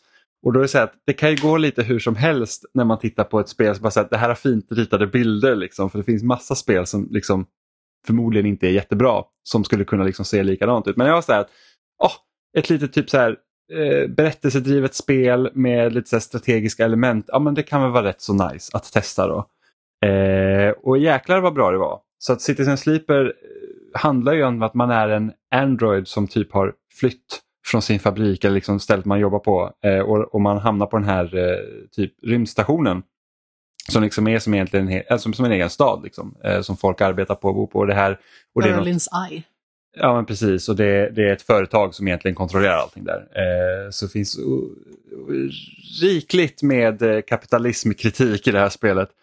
Eh, och det man gör egentligen är att man, man, liksom, man formar eh, alltså relationer med eh, andra som lever här och liksom får gå igenom deras berättelser. Eh, och man liksom lär känna folk och det kan vara liksom typ ja, ägaren till det lokala nudelhaket eller eh, en man och hans dotter som försöker liksom vinna ett lotteri för att ta sig bort från den här stationen så att de inte behöver liksom leva i misär. Eh, eller så kan det helt enkelt bara vara liksom typ ja, men här har vi typ den här hemliga underrättelseorganisationen som försöker störta det här företaget. Så liksom det, det, blandas både högt och lågt. Att det kan liksom vara så att vill du försöka liksom eh, gå på de storylines som handlar faktiskt om att dra, alltså, ta ner det här företaget som, som eh, styrstationen så kan du göra det. Eller vill du liksom bara satsa för att okej okay, men jag vill hjälpa den här familjen till att komma härifrån så kan du göra det istället. Det finns ju en särskild nerv i det här spelet också, det är ju att det är cykelbaserat. Så vissa saker ser man liksom hur lång tid det kommer ta, alltså hur många cykler det tar innan någonting sker eller träder i kraft. Ja men precis, eh, och, och, det är egentligen, vad ska man säga, det är ett menybaserat spel så du, du, går inte runt som din karaktär på den här stationen utan du får liksom ha en överblicksvy på stationen där liksom noder på kartan är liksom ställena som finns. Eh, och, det, och det man gör är att varje liksom när en ny dag börjar, eller en ny cykel börjar så får du liksom tärningskast. Så du har, eh, jag tror det är två, vad är det, två tärningar från början. Jag minns inte men det är i alla fall, du, du får liksom tärningskast eh, och det är de du har liksom att arbeta med över hur du ska liksom lyckas med de uppgifterna du ska göra varje dag. Så till exempel, ja, men, arbetar du till exempel på, på att bygga den här rymdfarkosten som man kan göra så, så behöver du ha x antal tärnings, liksom, siffra då för att du liksom ska få en bättre eh, liksom, success rate på det du ska göra. Eh, så att beroende på vilka tärningsslag du får per dag så får du också liksom utifrån dem bestämma sig att okej okay, men vad är det jag vill göra och vad är det jag kan göra eh, så att det ska bli så effektivt som möjligt. Om inte jag missminner mig så har man fem stycken tärningar och de reduceras när man som karaktär börjar gå sönder så att Just man måste det, liksom se till att man liksom inte bara fyller upp sin hälsomätare alltså som då innebär till exempel hunger och dylikt, utan det handlar också om att man ska reparera sig själv med reservdelar och sånt. Och ibland så kanske man liksom behöver då en starkare dos för att klara av att eh, återskapa sig själv, så att säga.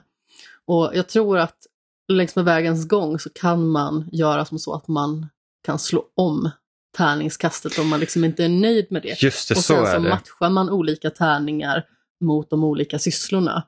Så om det liksom är definitivt att man behöver en viss tärning på ett ställe, till exempel om man ska få till sig hemlig data, då behöver man kanske specifikt en etta. Annars så får man inte. Ja men exakt, så är det. Eh, så, så det är lite, det är lite liksom så här hur man arbetar med tärningskasten då. Eh, och, och, jag egentligen så här, så jag älskar ju att gå runt typ i så här öppna världar och liksom så här egentligen, alltså miljöer i 3D så att man liksom får få se vart man går. Eh, men jag tror sättet det här liksom spelet, att det känns fortfarande väldigt levande även om du inte får liksom en visuell bild på liksom hur de här olika ställena ser ut. Du får ju se porträtten på karaktärerna men de rör sig inte heller utan det är så att här är den här personen och det är så den ser ut och så kommer den alltid se ut. Precis, de strategiska cyklerna det växeldrar ju liksom i stort sett med en grafisk roman. Vilket liksom innebär att det finns ju ett väldigt begränsat sätt i att uttrycka sig men eh, manusförfattarna har gjort ett sånt bra jobb med att hålla manuset levande att man sitter liksom på nålar där ändå.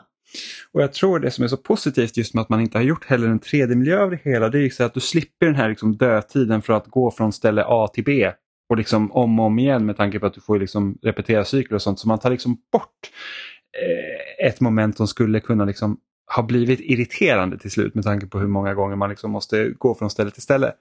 Eh, så att man liksom man har liksom bara tagit med de väsentliga delarna i det här spelet för att kunna berätta den historia man vill berätta. Eh, och, och, det är verkligen det som gör att det känns otroligt eh, speciellt. och liksom hur att jag, jag, älskar att läsa böcker och jag tycker inte om att läsa på en skärm. Eh, det har jag sagt flera gånger. Men ändå så lyckas man liksom hålla fast mig ganska hårt i det här spelet. Och, och man liksom, det är inga noveller du läser heller eh, som kommer på skärmen utan varje liksom del i berättelsen det, det, berättas ändå relativt kortfattat och sen så får du också väldigt lite dialogval och sånt eh, emellan så att du liksom kan också vara engagerad i, i eh, historien på det sättet. Men, men det är liksom inte heller att det blir inte långdraget även om det är mycket läsning så att säga. Eh, så det är väldigt, väldigt trevligt. Det är ett magiskt spel. Jag, jag, jag skojade om, om, eh, om din spelsmak alldeles inför detta. Men jag har hört väldigt mycket bra om Citizen Sleeper. Så att jag, jag, jag är helt övertygad om att det är ett väldigt bra spel. Mm. Um, jag, jag, jag, testade det och uh, såg poängen i det. Det är bara att så som du sa att liksom du, förut så sa du att du är liksom inte in the mode för att liksom läsa mycket och det är därför du inte spelar pen. Mm. Det är min, så här, det är min liksom standard uh, baseline. Liksom. Att jag, text i spel som är längre än typ två, tre meningar långt, går liksom, det bara går, går över huvudet på mig. Mm. Och, det, det, är inte kul att läsa mycket skärm på en, på en, liksom en, en digital skärm och som, som är också långt bort, liksom som man inte sitter mm. med näsan vid. Typ. Nej, och, och, även, liksom, även i spel som jag älskar, typ, liksom, alltså, det finns ju massa läsning i spel som är liksom mer min kopp och te, typ som liksom när man hittar dagböcker i Last of Us, men där märker jag också liksom att de längre dagböckerna man hittar i Last of Us, jag liksom, jag zonar ut ganska snabbt när jag läser de här. Mm. Um, så du, du hade typ inte så gått in i ett bibliotek i Skyrim och bara nu ska det läsas? Äh, liksom bara ta upp en bok. alltså fan vad mycket text det finns liksom i bara böcker, typ liksom eh, lore och så här eh, in-world history grejer i, i dem. Och det är liksom, jag bara Alltså jag respekterar ändå liksom de författarna som har suttit och skrivit de här grejerna. När en så stor del av de som spelar spelet aldrig kommer läsa dem. Um, Innan Legendary Edition så var väl inte heller kodexen röstsatt? I Mass Effect? Visst var det nytt? Precis. Nej, jo, den var röstsatt i, redan. I första spelet? I jag vet inte om kodexen är... Nej, jag vet inte om all kodex är röstat i trean. All kodex är inte röstat i någon av dem. Det finns liksom så main, main entries som är röstade. Ah, okay. Och mindre entries som är liksom så här mer liksom utvecklande information som inte. Uh, jag vet att i Dragon Age... Där kan man ju både läsa och lyssna och det är en fördel. Ja, jag älskar kodexen i Mass Effect. Uh, av någon anledning, jag vet inte. det, jag, det är väldigt motsägelsefullt, men jag vet inte vad det är exakt. Förmodligen är det liksom... Det är eh, att perfekt det... avvägning mellan skjuta och läsa. Ja, jag vet inte. Det, det, det ligger säkert något i att det är röstat. Och, och att det också är liksom väl röstat. Uh, att det är liksom... Uh, för det märkte jag, jag började spela Dragon Age Origins på, mm. på datorn. Och den kodexen är ju inte röstad. Um, och uh, där känner jag bara... Uh. Men det är liksom, alltså mm. kort, kortare text är, är, tycker jag funkar jättebra. Jag kommer ihåg inledningen på Firewatch. Tyckte jag var liksom oh, bland det mest, mest intressanta i hela det spelet. För att det var liksom... Musiken. Det minns jag inte så mycket, men, men jag blev upp, liksom jag upptäckte en sak om mig själv där, liksom att jag hade lätt kunnat spela ett helt spel som är detta. Och då är det liksom... roligaste är att det finns Oliver, det är bara att gå... Alltså, jo, det, den dialogen är gjord i... Ja, men den dialogen är gjord i Twine. Uh, och Twine är ju ett, ett, spelverktyg för att skapa just den typen av spel. Alltså du, du, liksom, du har branchande narrativ så där du väljer mm. dialogval. Jag tror att Linus Lekander som skrev på Loading förut, han gjorde en recension i Twine. Ja, ja men det är coolt. Eh. Och, och, och just i Firewatch då också att det, för att det funkar för att det är så simpelt. Det är liksom bara typ någon så här mening som, som, som sätter scenen. Liksom. Att du går in i det här typ. Jag kommer inte ens ihåg vad det är som händer men du träffar någon. Det är väl att han träffar sin fru första gången. Ja men precis och sen liksom går man egentligen, alltså man går typ igenom lite hur man ställer sig till det som har hänt honom tidigare. Det är ju Ja. en livskris egentligen. Ja men precis och så vilka val har man gjort och vad tycker man och lite sånt. Så att man, ja. Medans då som jag spelar Cities Sleeper jag bara, alltså min hjärna orkar. Det, det, det, det, det är typ som att jag har liksom speldyslexi eller någonting. För att jag har inga problem att läsa böcker, precis som du säger. Liksom. Jag, jag gillar att läsa. Det är konstigt. ja men alltså, som sagt, jag vet inte varför. Alltså, men hade jag spelat liksom Citizen Sleeper när jag kände liksom så att nu vill jag verkligen inte sitta och läsa, då kanske inte jag hade tyckt om det lika mycket heller. För då kanske jag inte hade spelat vidare. För det är så här, okej men jag, jag, jag är inte in the mood helt enkelt. Eh, Är det möjligt? Men sen är det liksom varför tycker man så, så, mycket, så mycket sämre om att läsa liksom på en skärm än att läsa från en bok? Liksom, vad, vad är skillnaden egentligen?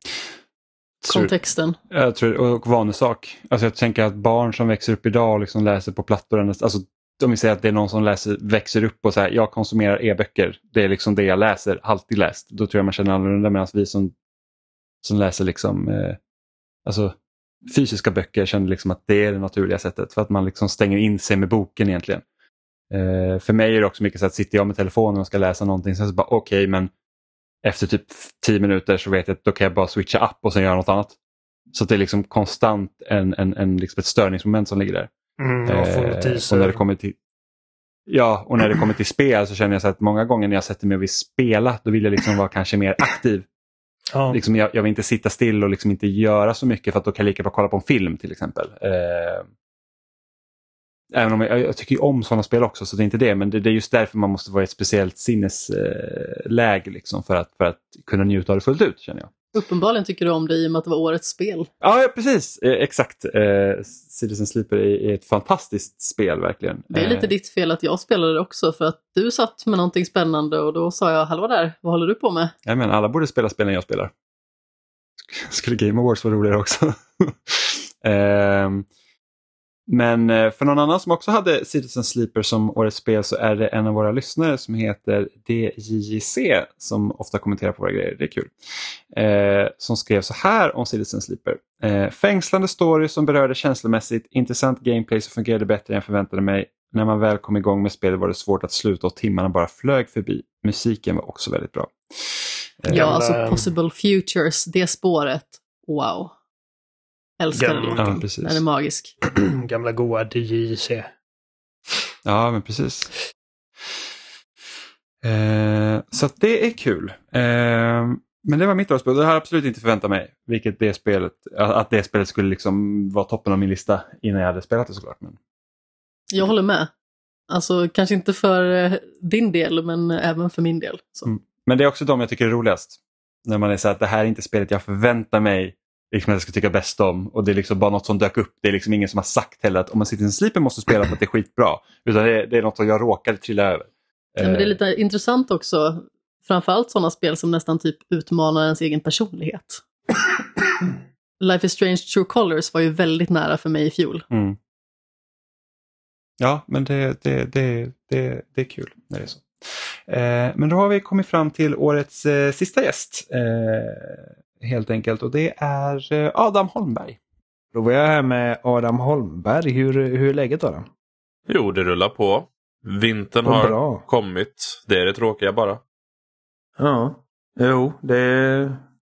Så här, I civiliserade liksom, eh, städer i Sverige så, så får man inte snö, man får systemkollaps. Ja, ja. Jag, jag Det- bor ju nere i söder. Vår vinter brukar komma i februari typ. Så vi är Ja. lite i chock.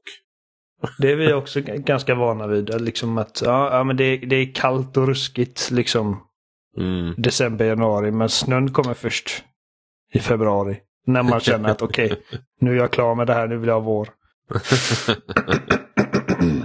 Och så är det som sagt, eh, snön ligger ju bara typ ett par dagar. Sen är det bara is och slask. Mm. Eh, så att, ja. Men skitsamma. Uh, spelåret 2022.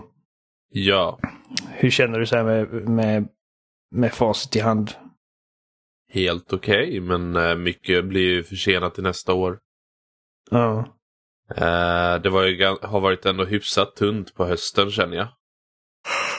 Eh, våren var, började okej. Mm. Om man jämför med många andra år. Innan du eh, avslöjar vad som är ditt favoritspel i år, var, var, var det liksom tufft för dig att bestämma? Eh, Jonglerar du olika titlar eller var det solklart? jag hoppades på att ett annat spel skulle bli Game of the Year för att jag såg fram emot det så mycket. Mm. Men eh, det var ju bara... Men i slutändan var det liksom, nej, det var det här jag hade mest kul med. Det var den bästa upplevelsen jag hade som jag tänker mest på och kommer ihåg mest. Och det var, Elden ring. ja, Da, du, du, du, otippat. Nej, alltså det, God of War var nära. Eh, men det var lite ojämnt och det känns nästan som att det spelet var lite för mastigt och långt för sitt eget bästa ibland för att det försökte göra väldigt mycket. Elden ring så la jag hundra timmar på utan att liksom se tillbaka. Eller liksom bara slösade bort så mycket av mitt liv på det spelet utan att ens tänka på det. Det var så kul. Det kan jag också skriva under på att det, det, det är ett sånt sällsynt spel som kan dra ut flera hundra timmar. Men som, som inte liksom känns som att det bara drar ut på saker och ting. Um, Nej, det, det är väldigt kom- mycket man- spelardrivet. Det är inte som en checklista på så sätt. Utan det är... nej, Nej. du gör det så långt som du vill göra det i princip. Ehm, Ja. Ja, det, det, det, Mm. det är en av de bästa världarna att utforska. Eh, som jag har spelat på väldigt länge. Se, eh, sen Mm. typ ehm, Breath of the Wild. Så det var liksom underbart att eh, rida runt, se saker, lösa pussel och liksom ut med minimal hjälp också. Det var uppfriskande. Jag skulle säga Elden Ring och Breath of the Wild det är de två titlar på senare liksom, år som jag känner har utnyttjat eh, sin öppna värld på bästa sätt. Um, och, då, och då menar jag inte nödvändigtvis att de här världarna är liksom mina favoritöppna världar. Men liksom vad, vad, vad de gör spelmekaniskt och eh, speldrivet med det. Mm. Men jag älskar eh, världen i Red Dead Redemption 2. Mm. Eh, jag tycker att den känns så jävla levande och dynamisk. Men mycket av det händer utanför uppdragen. Medan uppdragen är de här lite mer skriptade sekvenserna. Eh, Mm. Breath of the Wild och Elden Ring tar tar aldrig kontrollen från dig. På det sättet. De, de, eh, det känns verkligen rättfärdigat med de här enorma banorna. Mm. Ehm, är detta från Softwares bästa spel? Va, Oh. va, va, vad är din relation till, eh, till deras grejer? Jag har spelat de flesta av deras spel. Uh, Soulsborne, men det här är det första jag verkligen spelat, spelat så att säga. Jag brukar komma en bit, ha jättekul och sen bara typ råka lägga ifrån mig kontrollen och spela något annat och aldrig komma tillbaka igen. Eh, så det är min relation till, så det är det första spelet som verkligen hookade mig från uh, Fromsoft. Uh, Blood, Bloodborne var ju det första som, som hakade sig fast i mig. Men jag håller med Mm. om att Elden Ring saknar den här liksom ehm, väggen som man ibland kan gå in i i de här spelen. Alltså det, det Eh. har en vägg. Man kan ju följa så springer man in och den väggen är ju den här första eh, storybossen. Och den väggen är i princip inte lika mycket som eh, skill check utan mera ett liksom Hörru du du, utforska lite mer du. Typ. Mm, Det är, mer en, nej, jag- det, är, det är jag- en jag- uppmuntran till att spela mer. absolut. Jag, jag, jag, jag tänker inte vägg som i liksom en, en tröskel i svårighetsgrad. För det tycker jag att alla de här spelen har. Mm. Eh, I Bloodborne tycker jag att det är liksom, alltså Gascoigne är ju den som, som jag tror att många liksom, okej nu, nu blir det svårt. Ja, Gascoigne är skiljevägen mellan de som inte tycker om spelet eller de som liksom, oh yeah, jag, jag antar utmaningen.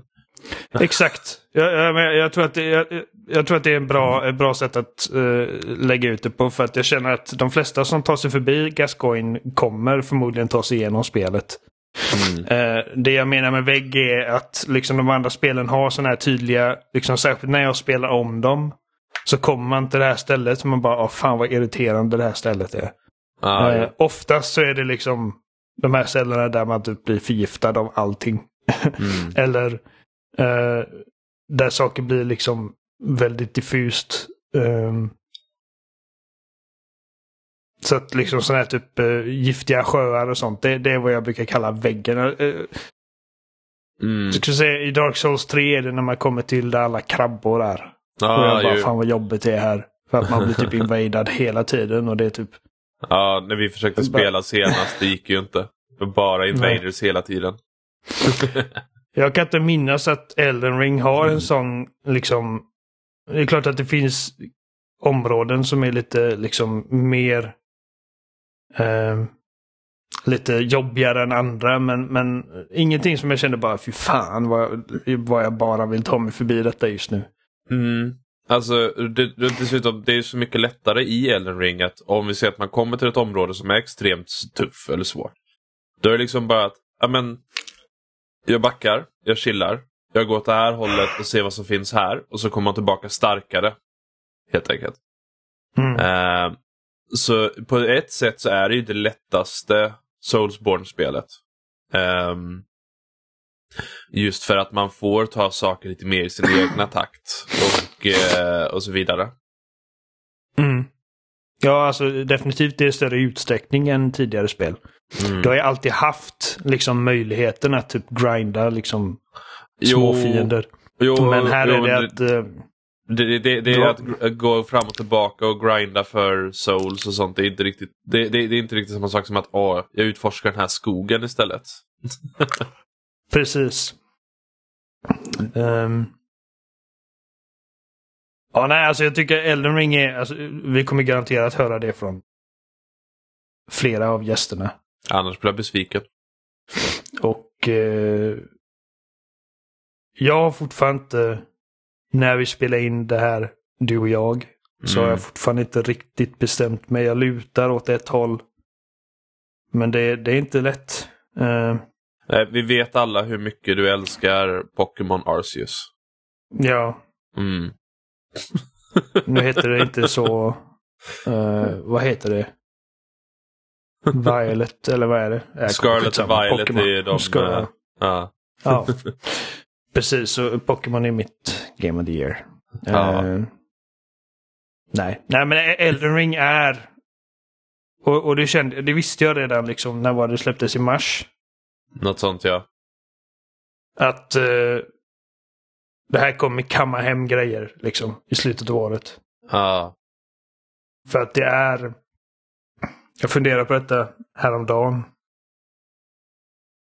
För att det är svårt liksom att, att, att toppa, oavsett hur bra spelet är, så är det svårt att toppa den första kärleken liksom när det kommer till eh, sådana här subgenrer. Mm. Och för mig var det ju Bloodborne. Och sen dess så har jag liksom, jag älskat att spela Dark Souls, Demon Souls, Dark Souls 3. Inte Dark Souls 2 lika mycket, men de andra. och jag älskade Sekiro. Mm, jag måste Ehm. ge Sekiro en ny chans. Men det har ändå alltid varit att ja, alla de här är skitbra, men, men det är inte riktigt Bloodborne. Och med Elden Ring kände jag till slut att okej, de kan faktiskt ha toppat sig själva här. Liksom. Trots att jag nu har spelat liksom, alla de här spelen och eh, känner till deras liksom, designhandbok Ja. och deras style guide. eh, så känns det ändå så fräscht och så uppfinningsrikt och så inspirerat. Liksom. Alltså jag bara kan bara tänka mig vilket jobb deras liksom creature designers har gjort. Ja. Uh, inte bara liksom i kvaliteten, ä- även om kvaliteten är liksom... Alltså, uh, From Software har verkligen några av industrins absolut bästa uh, artists. Um, men också kvantiteten. Liksom hur många jävla bossar det här spelet har och, eh, Mm. och olika liksom miljöer och intrikata katedraler och byggnader och karaktärer och fiender. Alltså det, det är så jävla omfattande. Oh ja. Utan att, någon, liksom, utan att någonsin liksom rucka på kvaliteten. Mm. Nej, alltså det, vart man än väljer att utforska i den här världen så är det liksom alltid någonting nytt, intressant och vackert. Jag är faktiskt Mm. förvånad över att det inte kammade hem fler priser ehm, från Game Awards. För till exempel eh, ehm, Art Direction och sådana saker. Eh, liksom den typen av priser, för det gör ju så mycket, så pass bra ändå. Men jag är Mm. glad att ändå lyckades kamma hem Game, De fick Game de två tyngsta. Ja. Ja, nej. För det, det, alltså, det, det finns så många open world-spel. Och Mm. eh, det finns så många open world-spel som är liksom de här enorma åtaganden med liksom alltså spaltmeter med checklistor och, eh, och, och tasks och challenges och Mm, som ett visst XP annat kan man- eh, eh, som ett visst annat Open World-spel som också släpptes i år som typ ingen pratar om. För att Elden Ring du- släpptes. Tänker du Horizon? ja. Horizon tycker jag ändå är liksom i toppskiktet av den typen av liksom for, formulaic open Mm. world-spel. Liksom Jo, om man det- jämför med typ eh, Ubisofts grejer. ja. Och, Ho- Horizon är ett bättre Ubisoft-spel, skulle jag säga. ja. Ehm. men som sagt, det, det är liksom... Jag vill inte säga att det är lätt att göra liksom ett evighetslångt spel, för att inget spel är lätt att göra. Men eh, det är lättare att göra evighetslånga spel som känns liksom enformiga och repetitiva. Det är två sätt att säga samma sak på, men du förstår vad jag menar. Mm. Och en helt annan grej att göra ett spel som Elden Ring som är så stort och så omfattande och har sån bredd och sånt djup. Eh, utan att någonsin känna som att okej, nu har jag liksom, nu har jag sett allt vad det här spelet har att erbjuda. Mm. Man kommer aldrig till den punkten liksom att okej, jag, jag vet vad jag kan förvänta mig nu. Ja. Så, Så- eh, Elden Ring är definitivt en alltså, välförtjänt årets spelkandidat. Det, Mm. I, I mitt huvud så är, finns det bara ett spel som är uppe och sniffar på det. Ehm, och jag vet fortfarande inte liksom ifall det räcker hela vägen. Nej, det ska bli kul att höra när du väl bestämt dig. Mm. Men då så. Eh, tack för det Adam. Jag hoppas att eh, du vill vara med mer även nästa år. Beror på vad du väljer som Game of the Year. Okej. Vi får se då. Ifall jag eh, uppnår dina förväntningar på mig. Nej, men det, det är klart jag ställer upp. Men tack för det här året då. Så eh, då kastar jag tillbaka ordet till, eh, till panelen. Hej då.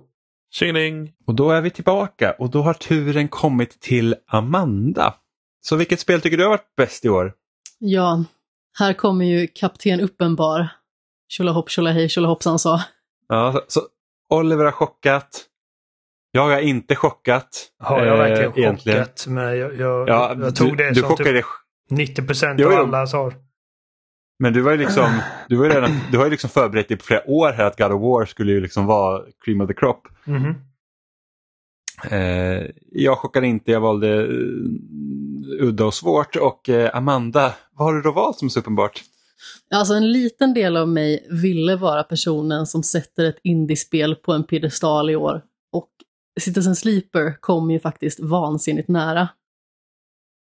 Och mitt svar det känns ju så himla uppenbart och jag känner mig lite svag och lättköpt som person. Om jag ska vara helt ärlig. Äh, fuck that. Beatles sålde ut. Samtidigt så kan jag ju inte ljuga för mig själv. You do you. Så är det ju bara. Horizon Forbidden West är årets spel 2022. Varför? Okej, inte, jag ska inte låta som det. Vadå? Varför? Mats Nej. förstår mig okej. Ja, men- Men varför tycker du att Horizon är så bra? Ja, alltså, visst, det är ett spel som är lite för stort för sitt eget bästa och slutet lämnar lite att önska. Men när jag liksom ser tillbaka på alla de timmar jag spenderade i Horizon Forbidden West så blir jag liksom alldeles varm inombords. Jag blir varm i magen. Och jag menar, hur många veckor var det som jag liksom satt och drog olika haranger, uppdateringar och liksom listor om spelet. Även att folk kanske inte liksom var så himla intresserade av det, förutom jag själv. Där alla andra var intresserade av Elden Ring och att det liksom var det bästa sen skivat bröd. Men Horizon Forbidden West är liksom mer av det goda, det jag älskade i Horizon Zero Dawn.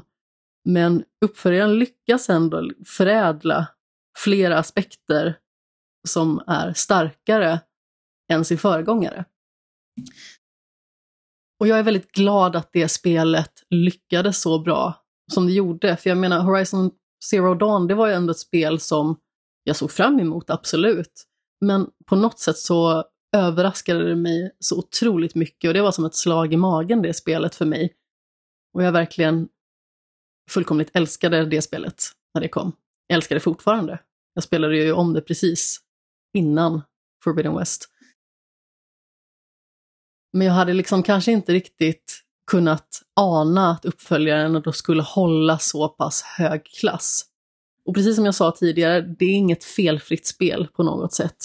Det är ett av de spel som jag har haft absolut roligast med. Och jag njöt liksom av varje sekund. Och den här upptäckarglädjen, den kommer inte till mig lika naturligt som det gör för många andra. Men jag bara älskar att vistas i den här världen. Det är någonting speciellt med den som rycker tag i mig. Och när det här spelet dessutom var liksom så mycket mer fullt av liv, till exempel i sidouppdragen, de betydde mycket mer, de var mycket köttigare och det kändes som att de betydde någonting när allting kom till kritan, snarare än att det liksom bara skulle vara samla pluppar eller plocka flodsly liksom. Det är synd liksom att berättelsen inte var lika stark som i första spelet. Men på många andra plan så är det ju mer solitt. Och vilket vackert spel det är, bland annat. Och musiken, den är briljant. Fruktansvärt snyggt spel. Alltså på ett tekniskt plan är det. Ja, och, och väl ett, ett stort lyft också från förra spelet. Alltså när det kommer, alltså de, de ansiktsanimationerna som är i det här spelet är helt eh, otroliga med tanke på att det är ett open world-spel. Det är rätt makalöst faktiskt. Ja, och kärleken som har gått in i minsta detalj i hur allting ser ut och rör sig. Ja, Det är fenomenalt. Och det här liksom utnötta postapokalyps liret som man ändå liksom känner igen. Det blir någonting annat i den här skruden. För att jag tycker att spelskaparna har gjort någonting ändå unikt, någonting väldigt speciellt. Och det är liksom en värld som jag verkligen har förälskat mig i. Och även att berättelsen kanske inte riktigt gick dit jag hade förväntat mig eller hoppats, så ser jag så otroligt mycket fram emot den här expansionen som kommer i april. Jag ser jättemycket fram emot en eventuell uppföljare. Det kommer naturligtvis komma en uppföljare. Vem försöker jag lura egentligen? Ja, men precis. Vad jag försöker säga egentligen, så precis som i föregångaren exploderar spelglädjen inombords när jag spelar det här spelet. Det fanns flera spel i år som var kanonspel verkligen. Eh, precis som jag sa tidigare, det finns verkligen fem stycken spel till som jag tycker är otroliga. och som jag med glädje har på min sån här solida topp 6. Men hur mycket jag än liksom har suttit och funderat och kliat mig under hakan, höll jag på att säga, kliat mig i huvudet, så har jag liksom alltid kommit tillbaka till Horizon Forbidden West. Och nu när vi spelade det också, hur dåligt det än gick på streamen, så kände jag liksom bara så här att vad den här världen är fantastisk ändå. Och det kändes väldigt synd att inte jag liksom fick visa Eh, hur mycket jag gillar att vara i världen. Hur mycket jag älskar att spela spelet och sitta och pyssla med små detaljer och plocka min flodsly. För det låter liksom som bagateller kanske, liksom att gå runt och smyga på nya sådana här eh, robotdinosaurier eller vad det nu är för typ av art man har försökt att efterapa. Men Ja. det är verkligen någonting särskilt. Och jag älskar det. Alltså det, det är definitivt inte ett, som vilket dussinspel som helst liksom. På, alltså bara liksom sett till hur välgjort det är på ett eh, liksom hantverksplan. Så står det ju över, även om eh, jag och Jimmy, vi återvänder ofta till liksom att eh, strukturen på den öppna världen i Horizon påminner om så mycket annat. Men det, det är ju ett betydligt mer liksom jag vill inte säga genomtänkt för att insinuera att jag, att jag liksom tror att alla andra utvecklare bara liksom slänger ihop skit utan att veta vad de gör. Så jag, jag försöker komma på ett bättre ord. Men, men, men det är som sagt det är inte ett dussinspel. Och, och jag tycker att alltså, i, i vissa, i ett avseende tycker jag att storyn i Forbidden West är bättre än i Zero Dawn. För att i Zero Dawn så var jag väldigt investerad i Elis Elisabeth Sobecks berättelse.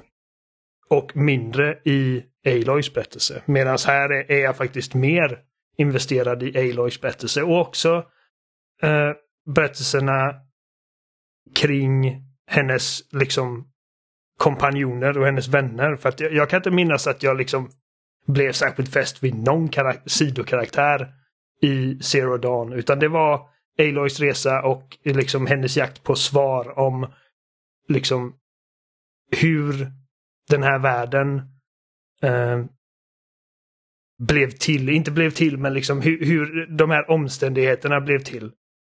Eh, Medan här, liksom, jag, jag blev liksom genuint fäst vid, särskilt vad heter han, eh, Kotalo? Eh, är det så han heter? Ja, han är fin. Eh, ja. Eh, för att liksom när man träffar honom första gången så är han väldigt liksom sträv och, och, och, och de gillar inte varandra särskilt mycket. Eh, men, men, men han växer verkligen genom spelets gång. Och, eh, och även eh, liksom... Men är det... Erend är ju den enda som jag minns från det förra spelet. Men han, vad, vad heter han, den andra killen? Um, Val.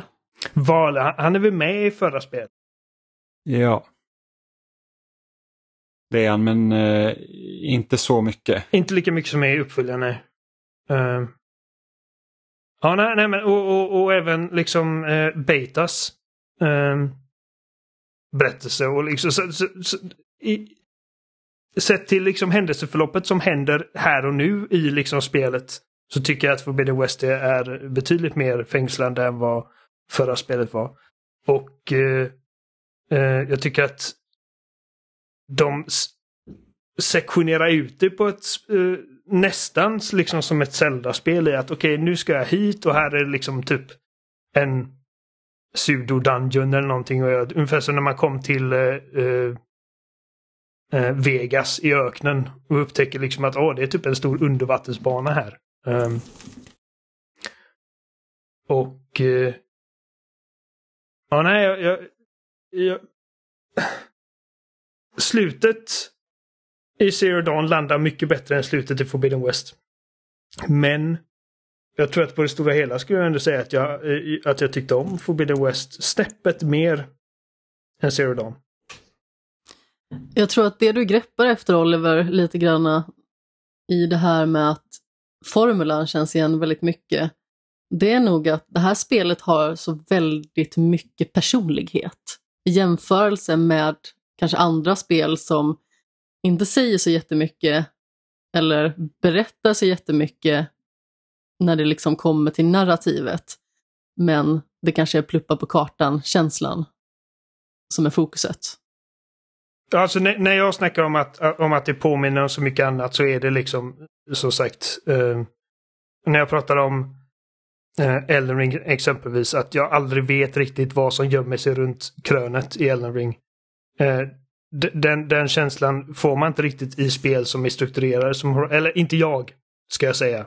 För att jag ska inte tala för alla andra, men jag får inte riktigt samma känsla i spel som Horizon eller Assassin's Creed eller Far Cry eller de här där, där liksom du, du, du har din karta och du kan i mångt och mycket liksom se lite vad, vad som väntar dig.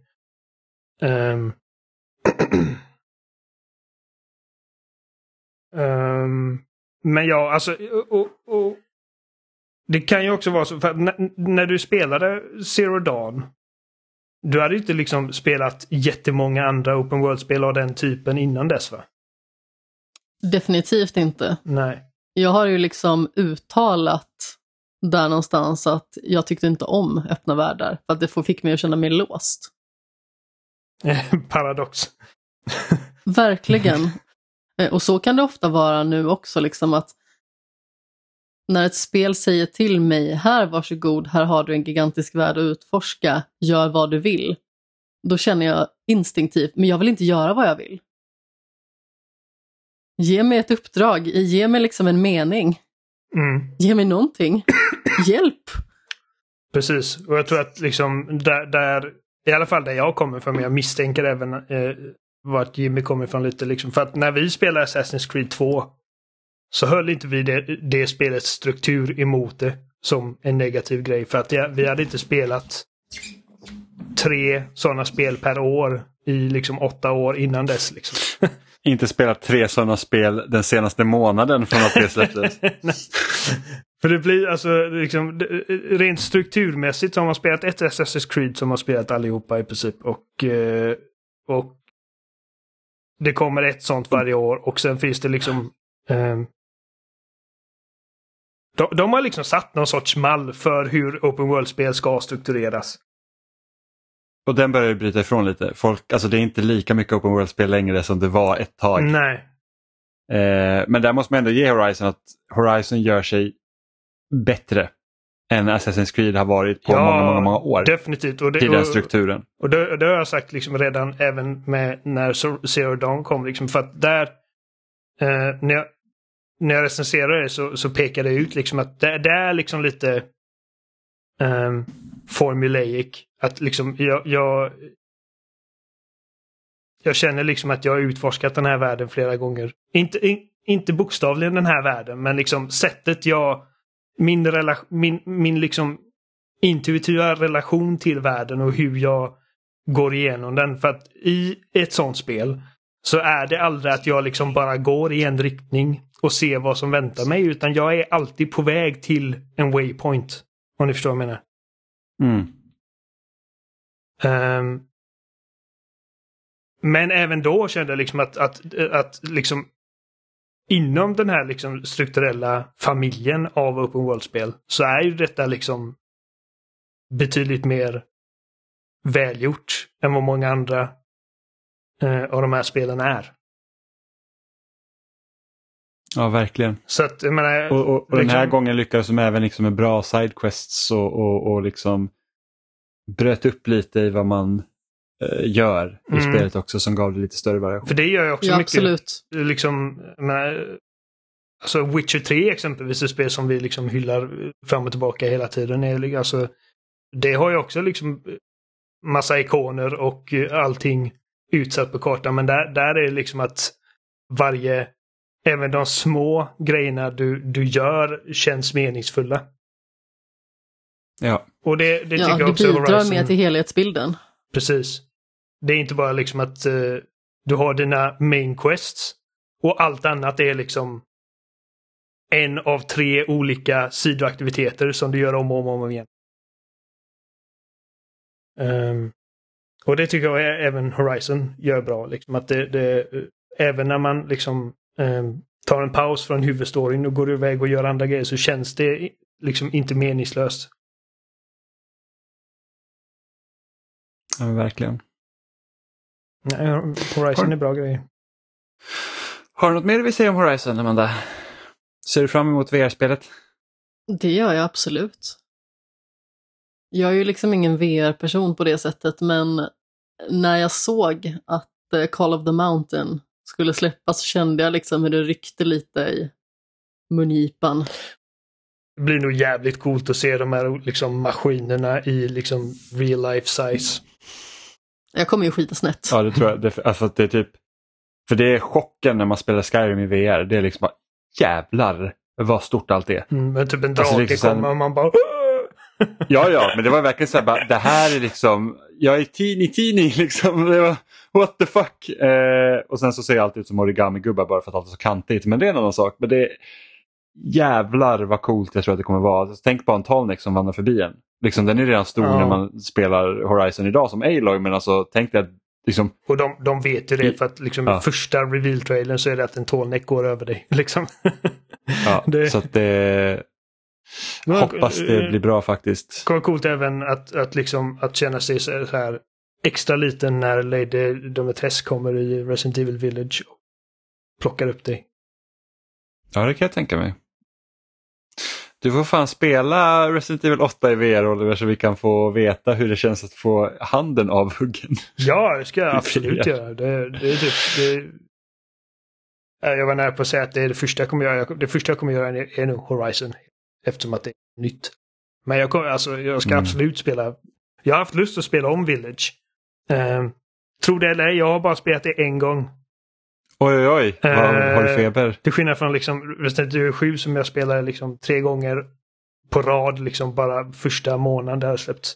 Och det är för att Och Du jag, var så skeptisk till Resident Evil 7. jag var skitskeptisk till Resident Evil. Jag, var, Eh. jag kommer ihåg när det visades på om det var E3 eller vad det nu var. Jag var så här, det här är rätt väg och du bara, fy fan. Ja, nej men alltså, men, men när de visade på E3 så var det liksom typ, ja men detta är PT, liksom du bara går och du gör ingenting. Du bara går genom korridorer. De visade ingenting med liksom pussel eller eh, att du kan försvara dig med en shotgun eller bla bla. Men, men jag har liksom medvetet eh, hållit mig undan från Resident, Evil Village bara för att, bara för att spela det i VR när det, när det går att göra. Och Jag, jag hoppas ju på att Half-Life Alyx ska komma till Playstation VR 2. Det, det gör vi nog alla. Jo. För att det, det är liksom så att det är typ en av anledningarna jag känner att jag vill köpa headsetet. Det är för att jag hoppas att ska komma dit. Och jag hoppas Vi att det är många köpa en- utvecklare som, som orkar gå in och, och porta över sina spel som finns till PSVR. PSVR 2. Verkligen. Alltså jag tycker Beat Saber lär ju jäkla... komma. Liksom, jag kan inte Ja. tänka mig att det inte kommer. Även om det inte är på release så måste det nästan komma vid, något tillfälle. Jag vet att Pistol Whip, som jag har hört väldigt bra om, eh, ska, ska komma till PSVR 2. Eh, jag hade älskat att om de eh, för över Thumper. För att det testade aldrig VR, men jag har hört att det skulle vara väldigt coolt. Ja, det, det, är fan en, det är som en skräckupplevelse att spela det i VR. Ja. Liksom vad är det, typ Rhythmic Violence eller vad de kallar det, Ja, men precis. Man åker, man åker som en liten typ silverdisk på en bana och så är det typ mass, ja, det, är- ja, det, det är fascinerande. Och EA, om ni lyssnar, porta över Star Wars Squadrons. För att jag vet inte hur mycket, hur många coolare grejer jag kan föreställa mig att, än att liksom sitta i en X-Wing VR. Det, det, det, det har ju faktiskt Playstation VR 1-stöd, men hatar den hjälmen. Men vi har ju mycket att vänta nästa år för det, då känns det som att när coronaperioden har släppt att det liksom nu, nu kommer liksom generationen dra igång på allvar. Eh, Sony har ju släppt alla sina spel nu också som ska vara cross-gen så att det lär ju bli, bli mycket spännande framöver. Spiderman 2 är ju Mhm. bekräftat för hösten 2023 så att eh, det har vi i alla fall sett fram emot. Hoppas inte det Absolut. skjuts fram för att jag, jag, jag är väldigt redo för mer Spider. Skulle, vågar du betta på att det är Gotu 2023? Nej, jag, ty jag tycker inte det var dig. 2018 heller, men det var riktigt bra. Ja, det var det. Ehm, men det har varit ett, det har varit ett eh, hektiskt år ändå, trots sina toppar och dalar. Eh, och vi är bara egentligen första avsnittet på vår typ årskrönika som vi gör varje år. Nästa numrerade avsnitt kommer vara vårt spelmusikavsnitt eh, för att runda av. Eh, och nästa vecka kommer inget riktigt avsnitt utan det är vår spoilercast på God of War som kommer istället. Eh, så att ni vet. Men ni hittar oss som vanligt på spelsnack.com och där finns också länkar till alla sociala medier-ställen ni följer på oss. Vi finns fortfarande på Twitter, hur länge nu det finns kvar, eh, Spelsnack Podcast. Eh, Youtube, Facebook eh, Wow. och så finns vi såklart i din favoritpodcast-app Spotify, Apple Podcast, RSS-flöden. Eh, skriv gärna en recension. Det hjälper oss för att eh, synas och det är alltid kul när man får in fler lyssnare. Ni är ändå en ganska stor skara människor som lyssnar på oss varje vecka, vilket är jätteroligt. Eh, Men bara ni om ni också- gillar podden. Ifall ni inte Nej. gillar den, skriv inte en Ja, nej, recension. precis. Så, så, om ni inte gillar podden och vill heta en recension, tänk Mario Party. Så brukar det ordna sig. Ehm, ni kan mejla till oss på kontaktetspelsnack.com eller byta ut kontakt mot några av våra förnamn spelsnack.com eller gör som DJJC och skriv till oss på Twitter eller några av våra sociala medier där ni kan ja, ställa kommentarer, vill ni att vi ska prata om någonting eller undrar ni över någonting så vi svarar gärna, det är alltid lika roligt. Eh, och med det sagt så hoppas ni att vi, vi, hop- vi hoppas att ni får en trevlig jul och eh, nyårsfirande. Jag hoppas det blir sämst. Nej, jag skojar bara. Amanda nu är du snäll. Okej. Säger vi hej då? Puss Tack för den här gången. Hej.